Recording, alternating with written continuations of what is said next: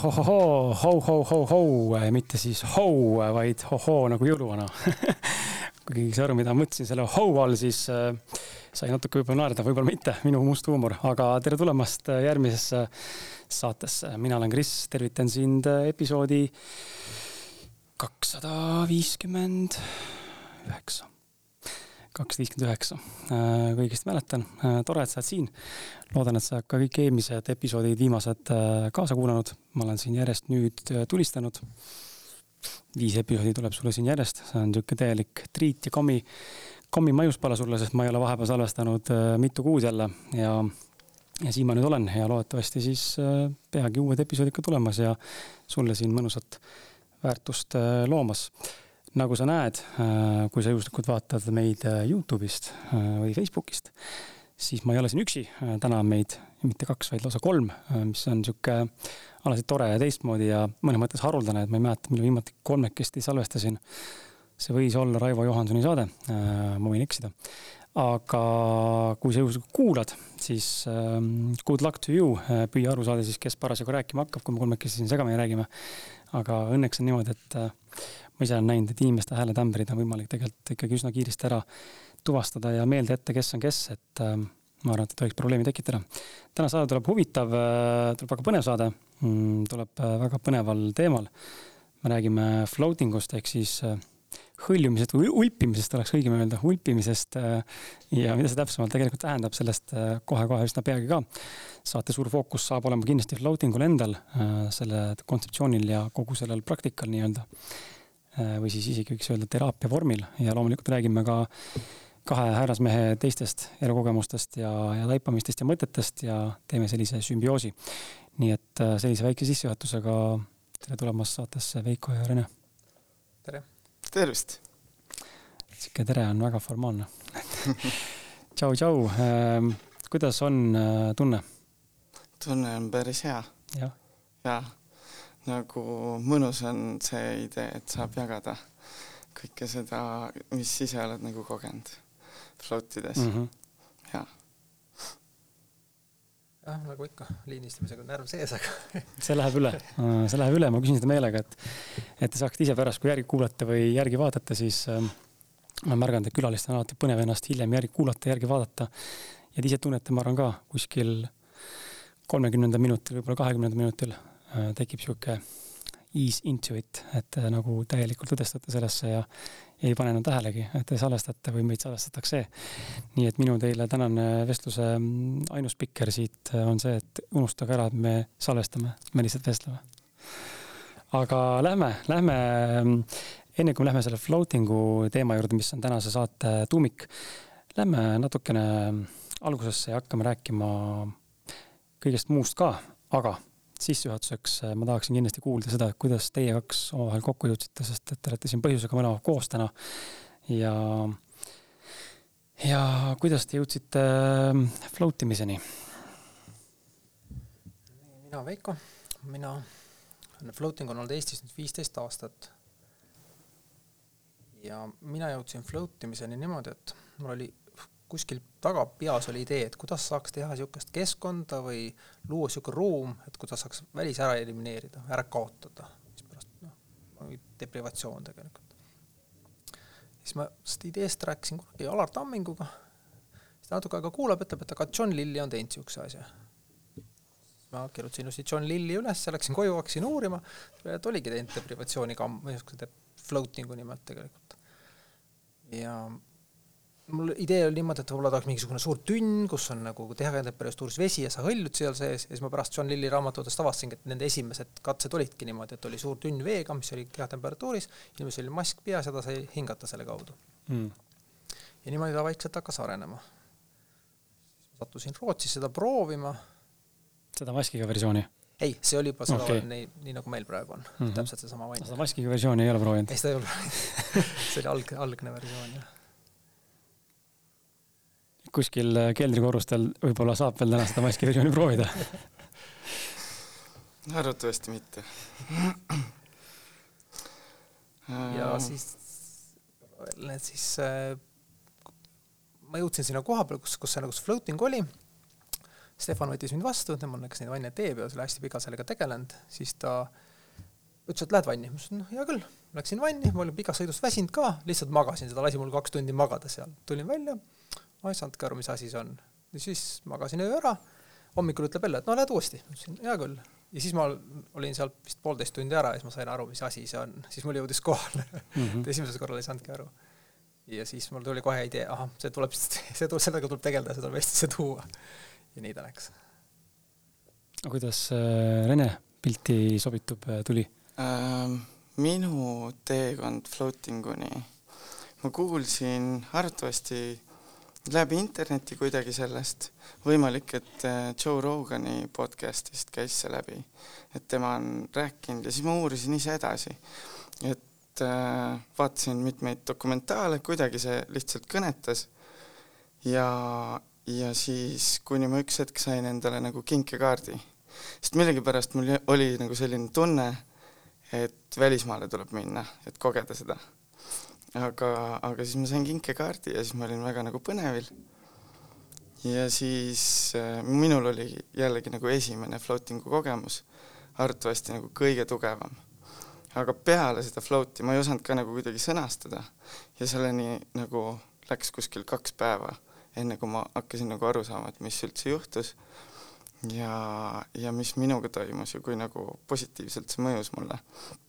et, äh, et jah, ja siis sellest ajast, kui ma esimest korda proovisin, ma olin tükk-tükk aega lihtsalt klient. ja, ja kogesin seda nagu niimoodi järjepidevalt. hakkasin iga nädal float imas käima. kuni ühel hetkel ma tundsin, et okei okay,, et ma tahaks nagu töötada mm. -hmm. või et kuidagi ma olen ise nagu nii tugevalt kogenud seda kui, kui nagu positiivselt see mõjuda võib ja, ja tundsin, et see on nagu mingi asi, millega ma tahaks kuidagi nagu jätkata või mida, mida ma tahaks nagu promoda või kuidagi, kuidagi nagu jagada seda infot. sest see on olnud hästi väärtuslik nagu tööriist minu jaoks. ja siis ma üks hetk kirjutasin lihtsalt Veikole meili, et äkki leiame mingi koostöövõimaluse ja, ja sellest ajast me oleme teinud koostööd see hetk oli just, just oligi, mul oli peas mõte, et või noh, ma ehitasin maale maja, et maale ära kolida ja siis oligi, et noh, et kes nagu, no ma ise tegelesin sellega, et kes nagu tegeleks, kus niisugune inimene leida või kus, ja siis Rene lihtsalt kirjutas ja siis see tuli nagu täitsa kuidagi hästi loomulikult. kukkus lauale nii-öelda, kop-, koputas uksele aga elu ongi niimoodi, ma olen märganud seda varem ka enda elus väga palju. ja, ja see tundub olevat, ma, ma ei tea, mis seda põhjustab või, või noh, ma mõtlen selle mõttes põhjustab, et kuidas seda, kuidas seda endale teadlikult veel luua selliseid situatsioone, mis soosivad, eks ole, kõik need asjad joonduvad, kõik tuled on rohelised, kõik lipud on rohelised, onju. et kõik asjad langevad kokku, et kuidas seda mm, selliseid situatsioone erinevates eluaspektides veel luua, sest et me kõik oleme kogenud seda, kuidas mõnikord lihtsalt asjad noh, out of nowhere lihtsalt loksub paika, ilma et ma tegelikult teeks üldse mingeid pingutusi või mõtleks selle peale või üldse hullult seda forsseeriks. kas te ise olete nagu märganud, et mis on nagu olnud see põhjus, et kasvõi seesama näide, kuidas Rene sinuni jõudis või teie üksteise tuttavaks saite või mõni muu kogemus oma elust, et mis on eelnenud sellisele perioodile, kas on olnud mingi jube hea, ma ei tea, eneseteostus on põhjas olnud, tuhin on suur olnud, motivatsiooni on palju või lihtsalt elus kõik asjad lähevad hästi või oled olnud õnnelikum kui muidu või mis on seda võib-olla põhjustanud, kas oskad niimoodi nagu analüüsida praegu, lihtsalt siin spontaanselt? Võib-olla kui asjad ei su-, ei suju, siis võib-olla ei pea neid nii pressima mm. -hmm. et, et võib-olla nad peavadki niimoodi rahulikult tulema, vahest võib selleks nagu tükk aega aega minna ja vahest võib-olla jõuad selle asja ära unustada ja siis tuleb, ahah mm, -hmm. ma ju tegelikult küsisin seda. et võib-olla taotlus on see asi, mis on. taotlus. nagu ot-, ot-, ots-, ots-, taotlus ja otsustavus või otsus. ilma, et see oleks juhtunud veel. jaa, võib-olla tegelikult mina, mina arvan nagu seda, et, et sa ei pea isegi nagu teadma päris täpselt ja midagi otsustama mm, -hmm. aga kui su energia on nagu õigesti suunatud ja su tähelepanu on õigetel asjadel, siis äh, maailm hakkab nagu ise juhtima sind. kõige selle, mul on nagu tohutult palju tegelikult selliseid täiesti mm -hmm. jaburaid äh, näiteid nagu juhuslikkusest mis on nagu selline suunatud juhuslikkus no võib-olla see on nagu see vana õpetaja ütlus, et, et või kuru, et kurud tuleb siis, kui sa oled selleks valmis mm, -hmm. mitte siis, kui sa seda tahad mm. -hmm. et võib-olla natuke sellega seoses. tuleb, ma toon selle näite nii teile, ma pole seda isegi saates vist kuulajatega ka jaganud, aga teile ka samasse teemasse, et üks sihuke, no ütleme suurusjärgus paar kuud tagasi sõitsin siis autoga ja, ja tund-, tekkis nagu siis enda rooli autoroolis kinni hoides tekkis tunne, et kurat, ma tahaks Porschega sõita. Unistuste auto, noh, ma ei ole nagu mingi hull autofänn, aga kui tahaks osta, siis tahaks Porsche kunagi kogeda, miks mitte. siis tekkis mõte, et okei okay,, aga kuidas ma saan täna? noh, mul ei ole seda võtta, kus ma saan seda? et okei okay,, läheme, lähen salongi, mängin lolli, eks ole, ma oma tahaks osta, tegelikult ei saa, sest täna pole piisavalt raha selle Porsche jaoks, onju. või siis rendin kuskilt või no tohutult kallis, eks ma tahan panna mingi viis sotti pluss mingisugune lisaraha mingisuguse lihtsalt kogemuse alla, onju täna, no mm, pigem ei siis otsustasin, aga tead, tuli see mõte autoroolis, sihuke konkreetne nagu mõte, tunne ja nagu teadmine, et, et nii saab ka. kuidas, ma ei tea, aga nii saab. tuli mõte, et okei okay,, kui ma järgmine kord näen tänaval kuskil äh, või parklas kedagi, kes tuleb Porschest välja või tuleb Porschesse samal ajal, kui mina olen enda auto juures, ma lähen juurde ja ütlen, et tere, kas võin teie autoga sõita? nii, done deal, otsustatud, kõik. ja see tundus mulle nii ehe, et see ongi võimalik, noh miks see peaks võimalik olema, loomulikult kuskil on see inimene, kes on nõus tegema niimoodi, et jaa, muidugi, võta sõida ja siis unustasin ära, ütlesin ka, et teinekord tuleb asjad unustada ära. Läks kuskil kolm nädalat mööda, oma elu elasin juba, ei olnud nii, ma otsisin igat parklas Porsche't ja seda kohta, kus kinni haarata ja ootasin mingi auto ees, et kas vend tuleb või ei tule, vaid lihtsalt elasime elu. ja siis kõnnin ühest kohvikust välja, tütar on kaasas, koer on ka. minu ees väljub üks mees, ma pargin tänaval, üle tee pargib teine auto, vaatan, mees kõnnib Porsche suunas. ja mul on see, et fuck. Kris, see on ju see, see on see hetk ju, mida kuradit ja ma kuulsin, see mees oli rääkinud just enne kohvikust väljudes siis äh, teenindajaga või siis selle omanikuga eesti keeles ka veel. või mingit jess, vot ei ole mingi um,, ei ole mingi venelane või inglane või mingi muu rahvus, kes ma ei oska, keelebarjäär on vahevesi. aga mul oli laps ja koer, mõtlesin, ah, kuidas ma lähen niimoodi, kuule, ma tuleks lapse koeraga autosse, täna ma sõidan ja ei teinud seda, läks minema, istusin autosse, tundsin jube halvasti ennast. ja oli tõesti nii halb tunne, et sellise võimalus, ma lasin selle käest ära, kuidas niimoodi, no miks ma nii tegin ja okei okay ja siis istusin maha, olin pettunud juba ja siis tuli uus mõte, oot aga rääkis ju kohviku omanikuga. ma tunnen ka kohviku omanikku väga hästi. kirjutasin äh, sõnumi, ütlesin, kuule, kelle, kes see, anna mulle see Porsche venna täisnimi. sain nime, kirjutasin Facebooki selle loo ära, et kui ma näen kedagi tänaval, ma tuleks juurde, aga ma ei saa, mul oli laps ja koer. et kas sa oleks nõus, et anna mulle oma Porsche't. Läheb mingi pool päeva mööda, tuleb vastus, tšau, muidugi millal kohtume? ja nädal aega hiljem sain siis tema Porschega sõita. tundmatu inimene, ärimees ja siis ma saingi aru, et issand jumal, kui kiiresti see juhtus ja ma isegi ei pidanud sellele mõtlema ega midagi nagu hullut tegema selleks. et selles mõttes nagu teie kokkusattumus, ma seda lugu räägingi, ongi see, et see kokkusattumus, me, me kunagi ei tea, kuidas mingi asi meieni tegelikult jõuab ja seal on alati mingi põhjus, on ju, et mina selle mehega kohtusin, suhtlema täna või mitte, täna ei suhtle, siin tegelikult pole vahet, mingi põhjusel meie elu viisid kokku, on ju, sama on meil siin täna laua taga, mingi põhjusel me täna istume siin. lisaks sellele me salvestame saadet, võib-olla midagi muud veel, võib-olla ei ole, ma ei tea, aga elu on selles mõttes tõesti nagu huvitav nojah, see on ka otsustamine, et sa ja. otsustad, et teha, mul noh, ka tekkis see podcast'i mõte ja siis hakkas ta kuidagi, mõte tekkis juba ja siis ta hakkas kuidagi arenema mm. -hmm. Oleme siin mm. -hmm. kas ma võin äh, ühte Võid. sarnast lugu veel Muidugi. jagada enda elust? siin ei pea midagi küsima, äh, tulista. mul oli, mul oli siuke lugu, et kuskil, ma ei tea, kahekümne kahe aastaselt äh, avastasin enda jaoks nagu klaverimängu täiesti kogemata, keegi mängis, sain aru, et oo oh,, et tegelikult päris lihtne on, et klahve on päris lihtne vajutada, mul on head pikad sõrmed, eks ole. Ja siis äh, kodukülas, kus ma too aeg elasin, Moostes, siis ma hakkasin märkama kõigepealt seda, et mul oli nagu klaveri vastu huvi, siis ma hakkasin märkama, kus igal pool on erinevaid klavereid ühes külas ja noh, neid oli külaliste majas ja ühes teises poes ja kultuurimajas ja igal pool oli järsku klavereid. ja siis ma käisin neid mängimas mängisin neid umbes nagu niimoodi kuu aega ja kogu aeg mõtlesin peas, et oh, hullult äge, oleks ikkagi, kui oleks enda klaver ka. ja siis tuli üks täiesti põhivõõras naine minu juurde seal nagu külas lihtsalt siis, kui ma tänava peal kõndisin, küsis, et kuule, äkki saad appi tulla külmkappi ja pesumasinat tassima, et ma müüsin maja maha ja oleks vaja kolimisel abi.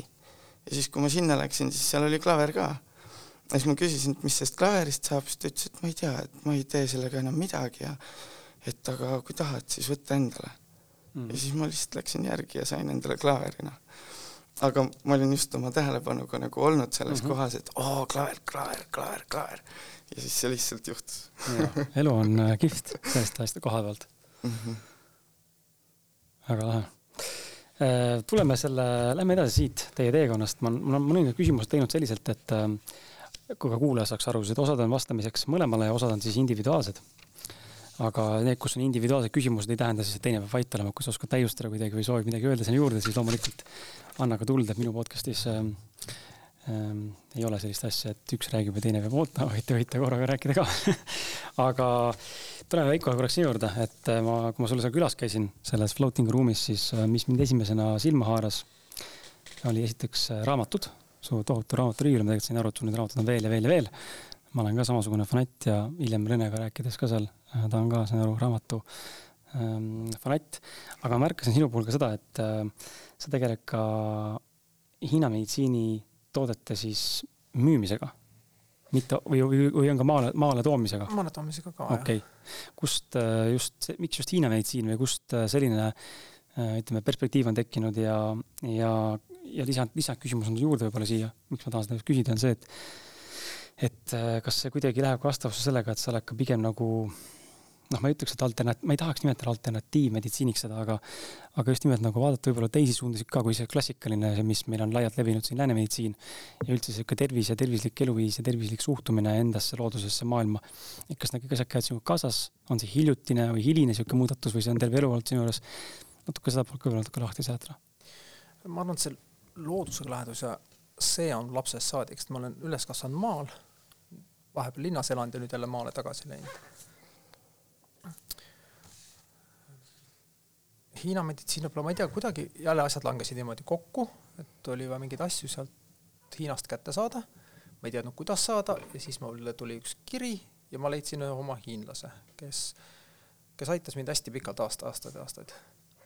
kes pani selle kaubad kokku ja vahet, noh, Hiinas on suurte firmadega on see, et sa pead nagu väga suured kogused tellima mm, -hmm. aga meil ei ole seda turgu nii palju ja ja siis tema otsis mulle asjad välja, mis vaja ja pani ilusti teele ja see koostöö oli väga super ja kõik, mida ma küsisin, kõike ta leidis ja igast ja, ja noh, suhtlesin ka otse, ma käisin ise seal kohapeal hästi mitu korda, hästi põnev oli.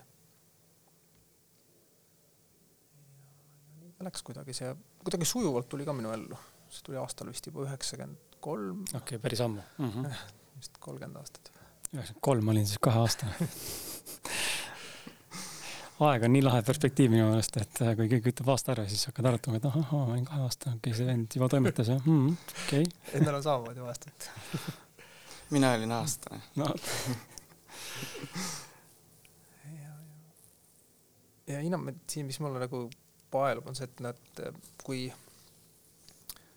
ühest Hiina meditsiiniõpikust lugesin just, et et mis on lääne ja Hiina meditsiini vahe, on see, et lääne meditsiin ravib haigust tagajärge. tagajärge mm -hmm. jah, aga Hiina meditsiin ravib inimest ja tema nagu heaolu. enne, ennetab nii-öelda siis? jaa. -hmm. ja ma kunagi sattusin, oli vaba aega ja tahtsin nagu Hiina kööki õppida, siis ma sattusin Pekingisse ühe koka juurde, nii et ta käis mind õpetas nädal aega, me tegime süüa ja siis ta rääkis kõik, kuidas, miks, mida tehakse. siis ta ütles ka, et ongi, et et lääne, lääne meditsiinis on see, et inimene läheb väga haigeks, siis tehakse mingi operatsioon või mm -hmm. mingisugune väga tugev ravi, siis ta saab jälle järje peale tagasi. aga et Hiinas on niimoodi, et kui et inimene oma toitumisega hoiab ennast nagu järje peal. et kui ta tunneb, et hakkab midagi viga, siis ta muudab oma dieeti, teeb jälle korda, läheb teisele poole mm, -hmm. jälle korrigeerib niimoodi, et see on niisugune pidev protsess. mitte nii, et sa lased noh, sõna otseses mõttes sööd täiesti hullu toitu ja siis sa lased tervise väga käest ära ja siis on, ja siis pead hakkama, et ma ei tea, mis dieete pidama mm, -hmm. et üldse mm -hmm. nagu elus olla, noh, see on nagu alg-, alg-, noh, algus on juba teistmoodi. minu arust Hiina meditsiini puhul, mis ma olen õppinud äh,, doktor Rene Birklandi juures nagu olles või temaga koostööd tehes, et mida me jälle alguses ka ei teadnud, et just see toitmise pool, et äh, need külmad ja kuumad toidud, eks ole, ja just see pool ka, et, et nagu mis need vürtsid teevad meile ja kuidas mingi toit võib meile mõjuda, see on nii individuaalne, eks ole, ja ja mis tekitab niiskust, mis tekitab lima meie kehas ja noh, sellele jälle, see on hoopis teistsugune perspektiiv ja sellele niimoodi varem polegi mõelnud, et äh, võib-olla mingi toiduna, mida ma söön, tegelikult üldse ei sobi mulle. Äh, ja kui anda endale võimalus siis katsetada, tegelikult võib-olla noh, läbi selle võimalik ennast tervendada puhtalt ühe toiduaine pealt, onju. et see on hästi huvitav, kuidas mõnes mõttes on nagu minu jaoks see toidumaailm äh, mm, niivõrd äh, kohati nagu absurdne, kuhu me täna jõudnud oleme enda ühiskonnas. noh, see tundub nagu nii sügav ja nii lai teema olevat, et neid teooriaid on siin lõputul, mis dieet, mis toitumine, mis toit, toitaine, eks ole, kellelegi sobib. ja lõppude lõpuks mikrobioom on inimese nii niivõrd unikaalne, individuaalne, nii nagu on meie sõrmejälg, siis noh, polegi ime, et meil on niimoodi, et üks toit ei sobi kõigile. et see on nagu, mõnes mõttes nagu tundub, et see on ka selline teema nagu enesearengu või sellise, ütleme, spirituaalse või esoteerika ja vaimsusega, et seda kohta, kus ma saan öelda, et noh, nüüd ma saan kõigest aru. seda, seda, seda ei tulegi, sest et muutub see kogu aeg. muutub kogu aeg, onju, ja me kogu aeg õpime juurde, maailm areneb, onju, tehnikad, tehnoloogiad arenevad. see on selles mõttes nagu hämmastav tegelikult. seesama Coca-ga oli lugu see, et, et noh, talle meeldis, miks ta, ta oli õppinud kokaks, aga ta ei töötanud kokana, ma ütlesin, miks sa ei tööta. ma ei taha nagu päevast päeva ühte sama toitu teha, ma tahan kogu aeg, uusi asju oleks mm, -hmm. noh, talle meeldis süüa teha ja süüa ja siis me käisime koos õhtuti, päeval me tegime neid söögiasju ja siis me õhtuti käisime linna peal ja siis ta ütles, et näed, see restoran, need inimesed on tulnud lõunast ja siin on need toidud sellepärast, et ja just need, et kuumad ja Mhm. tulised ja et noh, et nad söövad neid toite sellepärast, et neil on niisugune kliima ja siis teise restorani, järgmine päev läksime teise restorani, näed, need inimesed on tulnud Põhja, Põhja-Hiinast kokku sinna, noh, kuna Peking on nii suur koht, kuhu mm Mhm. -hmm. hästi palju on tuldud üle maa kokku. et need, need teevad seda toitu selleks ja noh, seletas mulle kõik lahti, see oli hästi põnev niimoodi näha kõrvalt just seda toidu Mhm. osa nagu, et miks, kus, mida süüakse hoopis teine perspektiiv. ja et me mõtleme, oh, Hiina köök, et tükk täis lihtsalt sama. nagu, sama ja jah. nu- nuudel ja juurikad ja, ja nii, mingi liha. Hiina on niivõrd suur, et siis on nagu see ja seal on see kokku koondunud, et sa saad minna, lähedki kõrval, kõrvalrestorani ja seal mm -hmm. Mhm. on nagu teine maailm täitsa Ja. Et see on hästi põnev. päris kihvt jah. Rene, äh, tuleme sinu juurde, et äh, sinu puhul on mõnes mõttes ma panen sind äh, spotlight'ile siin, niigi juba valgus on siin nagu FBI ruumis. kaamerast ei ole nii hästi näha, aga siin no, kohapeal üles on küll ka tunne, et meid kuulatakse praegu pealt või mina kuulan teid pealt, aga panen sind spotlight'ile just selle koha pealt, et toon sind natuke esile ja võib-olla haavatava koha pealt ka, et äh, see küsimus tegelikult puudutab sinu seda ärevust mm. -hmm. ja noh, saateväliselt ka siin äh, nii sinu kui eelne, eelnevate külalistega, enamus külalised tunnevad seda ärevust ja ma ise ka mingite saadetega tunnen seda rohkem, mõnikord, üldiselt ma ei tunne, aga mõne saatega tunnen ja kui ma ise lähen kuskile esinema, siis loomulikult tuleb sisse, see nagu paratamatu osa, eks ole. aga nagu ma õigesti aru saan sinu jutust, kui me sinuga vestlesime eelnevalt siit saateväliselt, et siis äh, sa oled kokku puutunud ärevuse, depressiooni ja, ja tegelikult ka nii-öelda siis mitte päris suitsiidsusega vist, aga suitsiidsete mõtetega mm. -hmm. et äkki sa natuke jagad, mis mõttes täpsemalt ja, ja, ja jõuage siis otsapidi selleni, kuidas sa sellega siis tegelesid, et äh, mismoodi see floating siis sellisel juhul aitas, sest me lähme nüüd siit edasi siis selle floating'u juurde mm. -hmm. põhiliselt noh, nüüd tagasi vaadates on nagu lihtsam üldse nagu vaadelda, et kust see algas ja, ja millega nagu tegu oli. aga laias laastus nagu sihuke teismeeast noh, tunded muutusid nagu nii, nii nagu negatiivseks ja tugevaks. ja siis sealt ma puutusin kokku ka, ka nagu suitsiidiga ja suitsiidikatsetega äh, nagu noorena. selles mõttes mitte, mitte et ma ise ei katsetanud, aga mul oli üks sugulane mm., üks hästi lähedane inimene mulle, kes, kes nagu äh, proovis ennast, ennast ära tappa, et, et sealt, sealtkaudu sai see kuidagi alguse ja väga tihti mul oli nagu sealt edasi sihuke tunne, et, et noh, kui, kui mitte midagi nagu muud üle ei jää, siis see on nagu mingi väljapääs. sest noh, elu tundus nagu nii äh,, nii nagu keeruline ja need tunded, mis ma tundsin, tundusid nagu nii negatiivsed ja nii nagu sihuke väljapääsmatu oli mm. -hmm. ja üldiselt mul käis ära nagu niimoodi, et kolm kuud oled sellisest täiesti nagu rivist väljas, isoleerid ennast, nagu depressioonis inimesed kipuvad nagu tegema. ja siis, ja siis nagu põrkad tagasi siis läheb hästi nagu eufooriliseks ja hullult mõnusaks ja elad elu ja hästi nagu põnev on. ja siis langed uuesti mm. -hmm. ja, ja see noh, sellistes nagu tsüklites ma veetsin pikka-pikka äh, aega. nagu võiks öelda, no üle kümne aasta kindlasti. Kus oli nagu väga raske ja ma teadsin seda, et ma ei taha nagu kuskile psühholoogi juurde minna et nad annavad sulle mingi tableti, mis võtab su tundetuks. et ma olin ükskord äh, Xanaxit proovinud, nagu lihtsalt keegi andis mulle ühe ja siis see võttis kõik emotsioonid täiesti maha. siis ma, mul tekkis niisugune intuitsioon, et ei ole nagu, ei ole nagu sedakaudu mõtet isegi proovida. aga, aga jah, siis äh, mingi vahe, võib-olla jõuakski selle esimese float imiskogemuseni. sest see tõi nagu hästi mulle silma ette mu nagu just selle ärevuse poole mm. -hmm. ma teadsin enne esimest float'i kahte asja, et ma ei lähe sinna nagu vanni mõtlema ja et kui ma ei liiguta ennast eriti, siis võib äkki mingi kehaväline kogemus tulla või midagi sellist. et äh, siis pidi nagu põnevaks minema, mul oli kuidagi niisugune arusaamine. ja siis ma läksin, läksin float ima ja olin hästi nagu liikumatult tund aega ja hingasin. iga kord, kui tabasin ennast mõtlemast, siis läksin tähelepanuga hinga, hingamise juurde tagasi. ja, ja siis, kui ma sealt nagu tängist välja tulin, siis ma kogesin niisugust rahu, mida ma ei olnud mitte kunagi kogenud, et mul ei olnud kunagi nii hea olnud. nagu terves elus vähemasti mul oli niisugune tunne. Ja siis see oli nagu noh, mõtlesin, et vau wow,, et kuidas see võimalik on, et üldse nii hea saab olla, et mis toimub ja mul oli kohe niisugune tunne, see oli üks esimesi mõtteid, et okei okay,, mul on niisugust tänki vaja nüüd endale, et edasi elada. et see tundub, see tundub asi, mis nagu teeb väga heaks kõik. see oli üks mu esimesi mõtteid. aga jah, ja siis, kui ma, siis kui ma mõt-, mõtisklesin nagu selle peale, et okei okay,, et miks ma ennast kogu aeg nii hästi ei tunne, siis ma saingi aru, et ma tunnen kogu aeg ärevust, mis on muutunud nagu minu normaalsuseks, minu tavaolekuks mm. -hmm. ja see float imine tekitas nagu nii suure kontrasti ja siis, ja siis sealt edasi äh, ma ikkagi nagu kohe ei hakanud regulaarselt käima, vaid ma nautisin seda, seda aega ja siis lasin kõigil oma ärevusel tagasi tulla, kuni ma üks hetk siis hakkasin regulaarselt käima mingi umbes aasta pärast peale esimest float'i.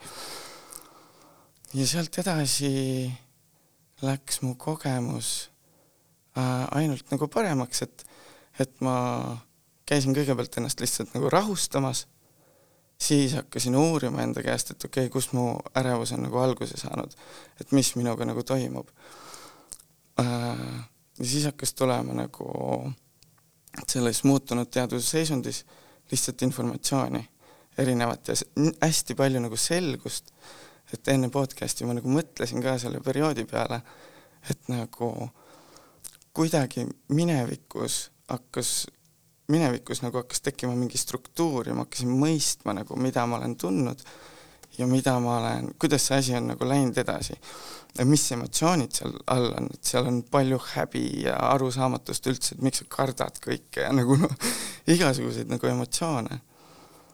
aga jah, siis kuskil mingi aasta ma nagu töötasin endaga, enda ärevusega, sain oma nagu lapsepõlvekogemused kätte, mis olid ja siis juba hakkasin ka floatingus tööle. et äh, ja siis muidugi läks see eneseuurimine nagu edasi. sinna me kohe jõuame ka. tahtsin sellest kinni võtta, et sa tõid hea näite tegelikult, millest ma olen siin varasemalt äh, saates ka külalistega rääkinud just nagu tervise toitumise teemadel, et äh, see sinu tunne, et sul on see pidev konstantne ärevus, oli muutunud normaalseisundiks mm, -hmm. ilma et suudaksid enam meenutada või siis aru saada, mis tunne on tegelikult olla ja. ilma ärevuseta ehk Täpselt. normaalne tasakaal onju. et sa tegelikult olid äärmuslikus seisundis nii-öelda või no ütleme ühes, ühes äärmuses, mis oli muutunud normaalseks, sa olid sellega adapteerunud. sama on meil selle toitumisnäitajaga ka, kui inimesed, kes on näiteks väga ülekaalulised või on haiged, nad, nad, nad, nad võivad sulle öelda selle kohta, et nad tunnevad ennast normaalsena. ilma, et nad tegelikult oleks noh, kogenud võib-olla seda võrdlust, mis tunne on päriselt olla normaalkehakaalu massiindeksi juures või tunda ennast tegelikult kergemana või nagu tervemana, sest nad on nii adapteerunud selle olemuse ja olemisega. et see on hästi huvitav, et seda perspektiivi ei teki mitte kunagi enne siis, kui sa saad kogeda seda teist äärmust. ja, ja, ja tihtipeale tundub, et see teine äärmus, kui see kätte saab, see kogemus, et ta on midagi, et aa, saab ka teistmoodi, siis hakkab see nagu mingisugune pall sealt veerema, et oot-oot-oot, ma tahaks nagu veel kogeda seda tunnet. noh, nagu sul oli sellega, et tahaks kogeda veel seda sellist vabat ja oih, vaba, vaba olekut ja, ja seda äre, ärevuse vaba nii-öelda olemist. et see on, see on nagu põnev, aga nüüd, nüüd lihtsalt jälle lauale küsimus, et okei okay,, kui me saame aru sellest ja me teadvustame seda endale täna, et mul on ükskõik mis teemadega mingi teema, kus ma olen omadega kas siis ülemõtleja või, või olen liiga, liiga stressis või olen klammerduv või hoian kinni või ei suuda alistuda või ei suuda lahti lasta, eks ole äh, kuidas, mis teie nagu arvate või mis teie nägemus võiks olla või äkki teil kogemus isegi, ähm, kuidas seda nagu esile kutsuda, et ma suudaksin hakata seda teist perspektiivi nagu nägema või, või panna ennast sellisesse situatsiooni, noh, ilma et sa oleks teadnud, et floating aitab. Aa, ma lähen teen floating ut, siis see aitab, noh, et kas mm, -hmm. kas üldse on võimalik niimoodi mõelda, et ma tean eos ette, et näed, vot see aitab, ma lähen sinna? pigem, pigem tasuks hoida avatud meelt mm -hmm. ja nagu noh, lasta nagu sisse endasse, nagu ükskõik, mida sa ei proovi. ja siis vaadata, mida, kuidas sa ennast nagu tunned. et äh, et niimoodi läheb alati nagu kahtlaseks, kui keegi tuleb ja ütleb sulle, et kuule, et siin on sulle sõber ime, imerohi ja proovi ära ja siis tekib hästi palju eeldusi juba. tasub lihtsalt nagu ennast kuulata, aga noh, kui oled ülekaaluline näiteks ja ja see on su normaalsus, et sa ei tunnegi, et su kehal oleks midagi viga üldse kuigi tegelikult noh, on. et äh, siis, siis läheb see, see läheb oluliselt nagu keeruliseks, sest mul mul oli ju täpselt sama, ma ei teadnudki, et ma saan ennast kuidagi üldse paremini tunda. puudus, puudus see nagu teadmine täielikult mm. -hmm. väga jah, teadvustamine, et sa proovid erinevaid asju, need ei või nagu asjadki olla, aga erinevaid mõtteviise või mõtteid mm -hmm. võib-olla, et sa nagu avatud meel, et see sobib ja see sobib või noh, et mis, mis sulle nagu sobib, et sa proovidki erinevaid asju, ma olen ise ka väga palju igasuguseid nagu teemasid nagu uurinud ja, ja, ja mõni lihtsalt nagu vahest ongi niimoodi, et sa loed nagu, loed mingi asja kohta ja siis natukese aja pärast tuleb meelde, oota, aga see oli ju see asi ja sa seostad mm -hmm. seda ära, et, et et need tulevad nagu hiljem võib-olla, et ei olegi kohe noh, et mul oli ka see mõte oli nagu peas olemas nagu see floating, et mul see mõte oli peas olemas, et äkki saab niisugust asja kogeda ja siis ma lihtsalt üks hetk nagu jõudis mm -hmm. sinnani ma, ma sain aru, et see ongi see, see ongi see asi. aga kas sul oli floating ust enda mingisugune muu nägemus äh, või, või ei, mul oli pigem see tunne, et mm -hmm. ma mhm. tahaks seda tunnet kogeda, mis oleks, kui oleks see niisugune noh, niisama see deprivatsioon mm -hmm. või niisugune ja siis floating on nagu niisugune lihtsustatud meetod, kuidas seda saada mm, -hmm. juba välja mõeldud.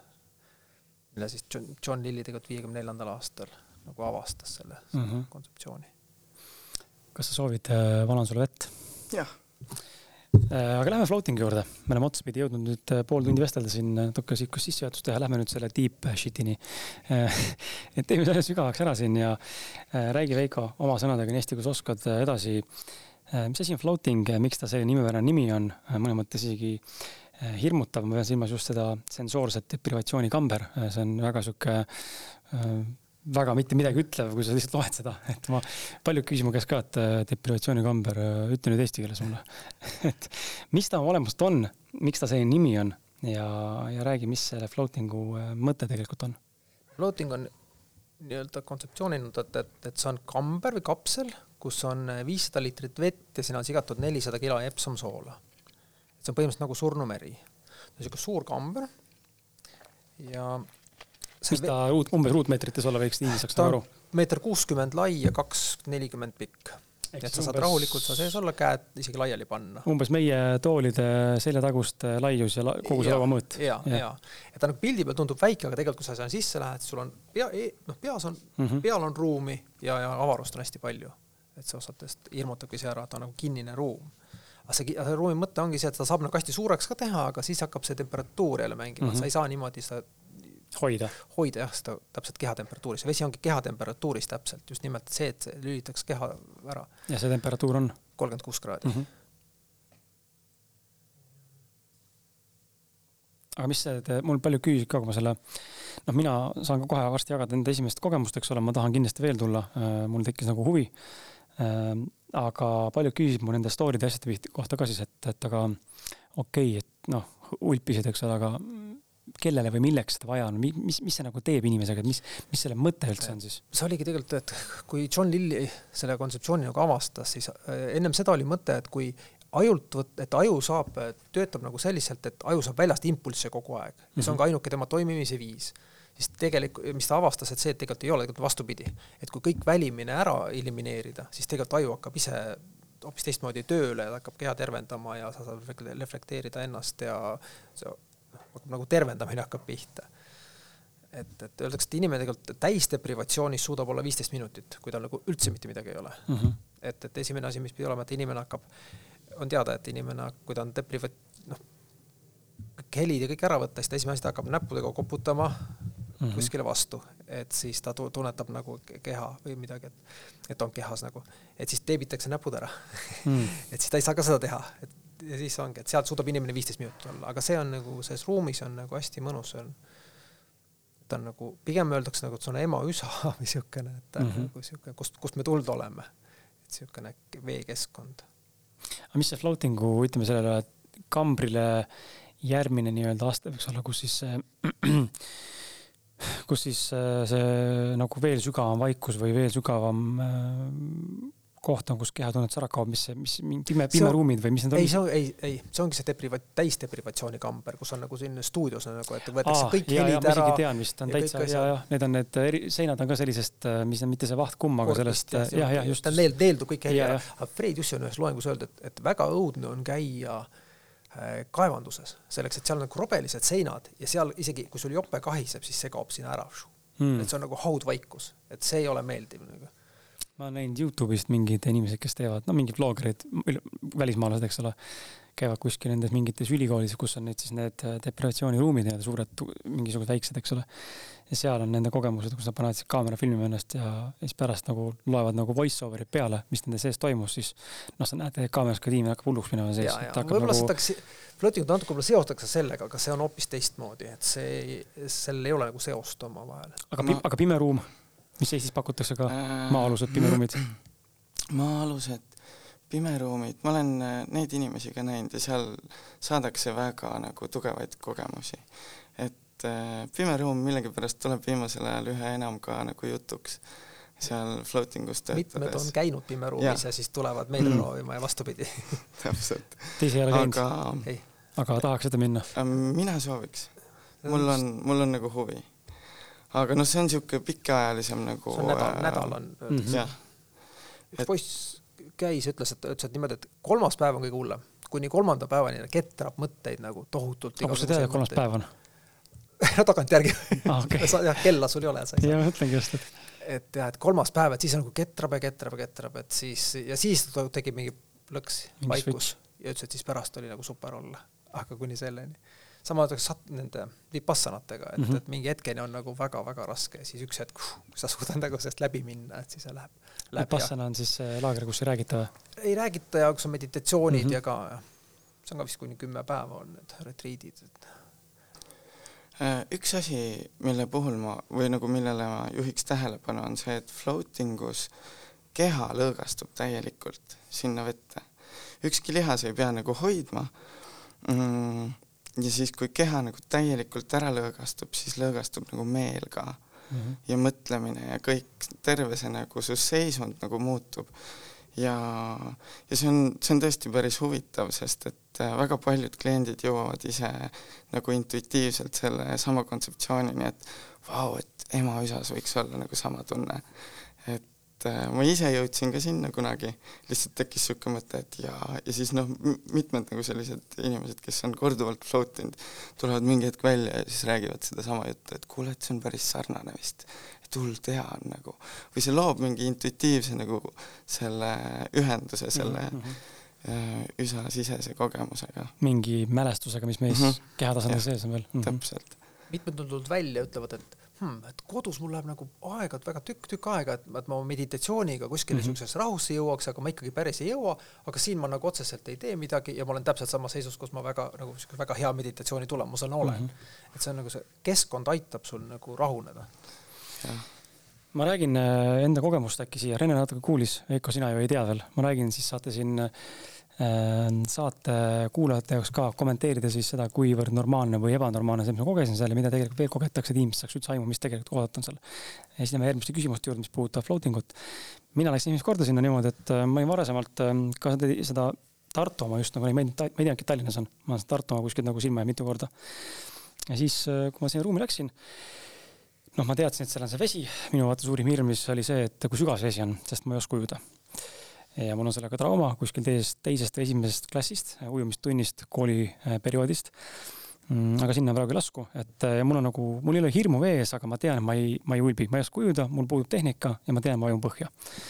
ja minu suurim hirm oli see, et aga mis siis, kui vesi ei kanna mind noh, ja sa lihtsalt tõid nagu näite onju, nagu mõnes mõttes mulle kiusta onju, et tead ja, et meil on tegelikult olnud üks vend küll, kes vajus ka ikkagi põhja onju. ma olin mingi, et ei ole võimalik ja ma raudselt see teine inimene nendest tuhandetest, keda sa nüüd näed, kes vajub põhja aga mul oli huvi, sest ma tahtsin purustada seda müüti, et äh, mul ei ole kogemust, kus ma siis ulbin. mul puudub see kogemus.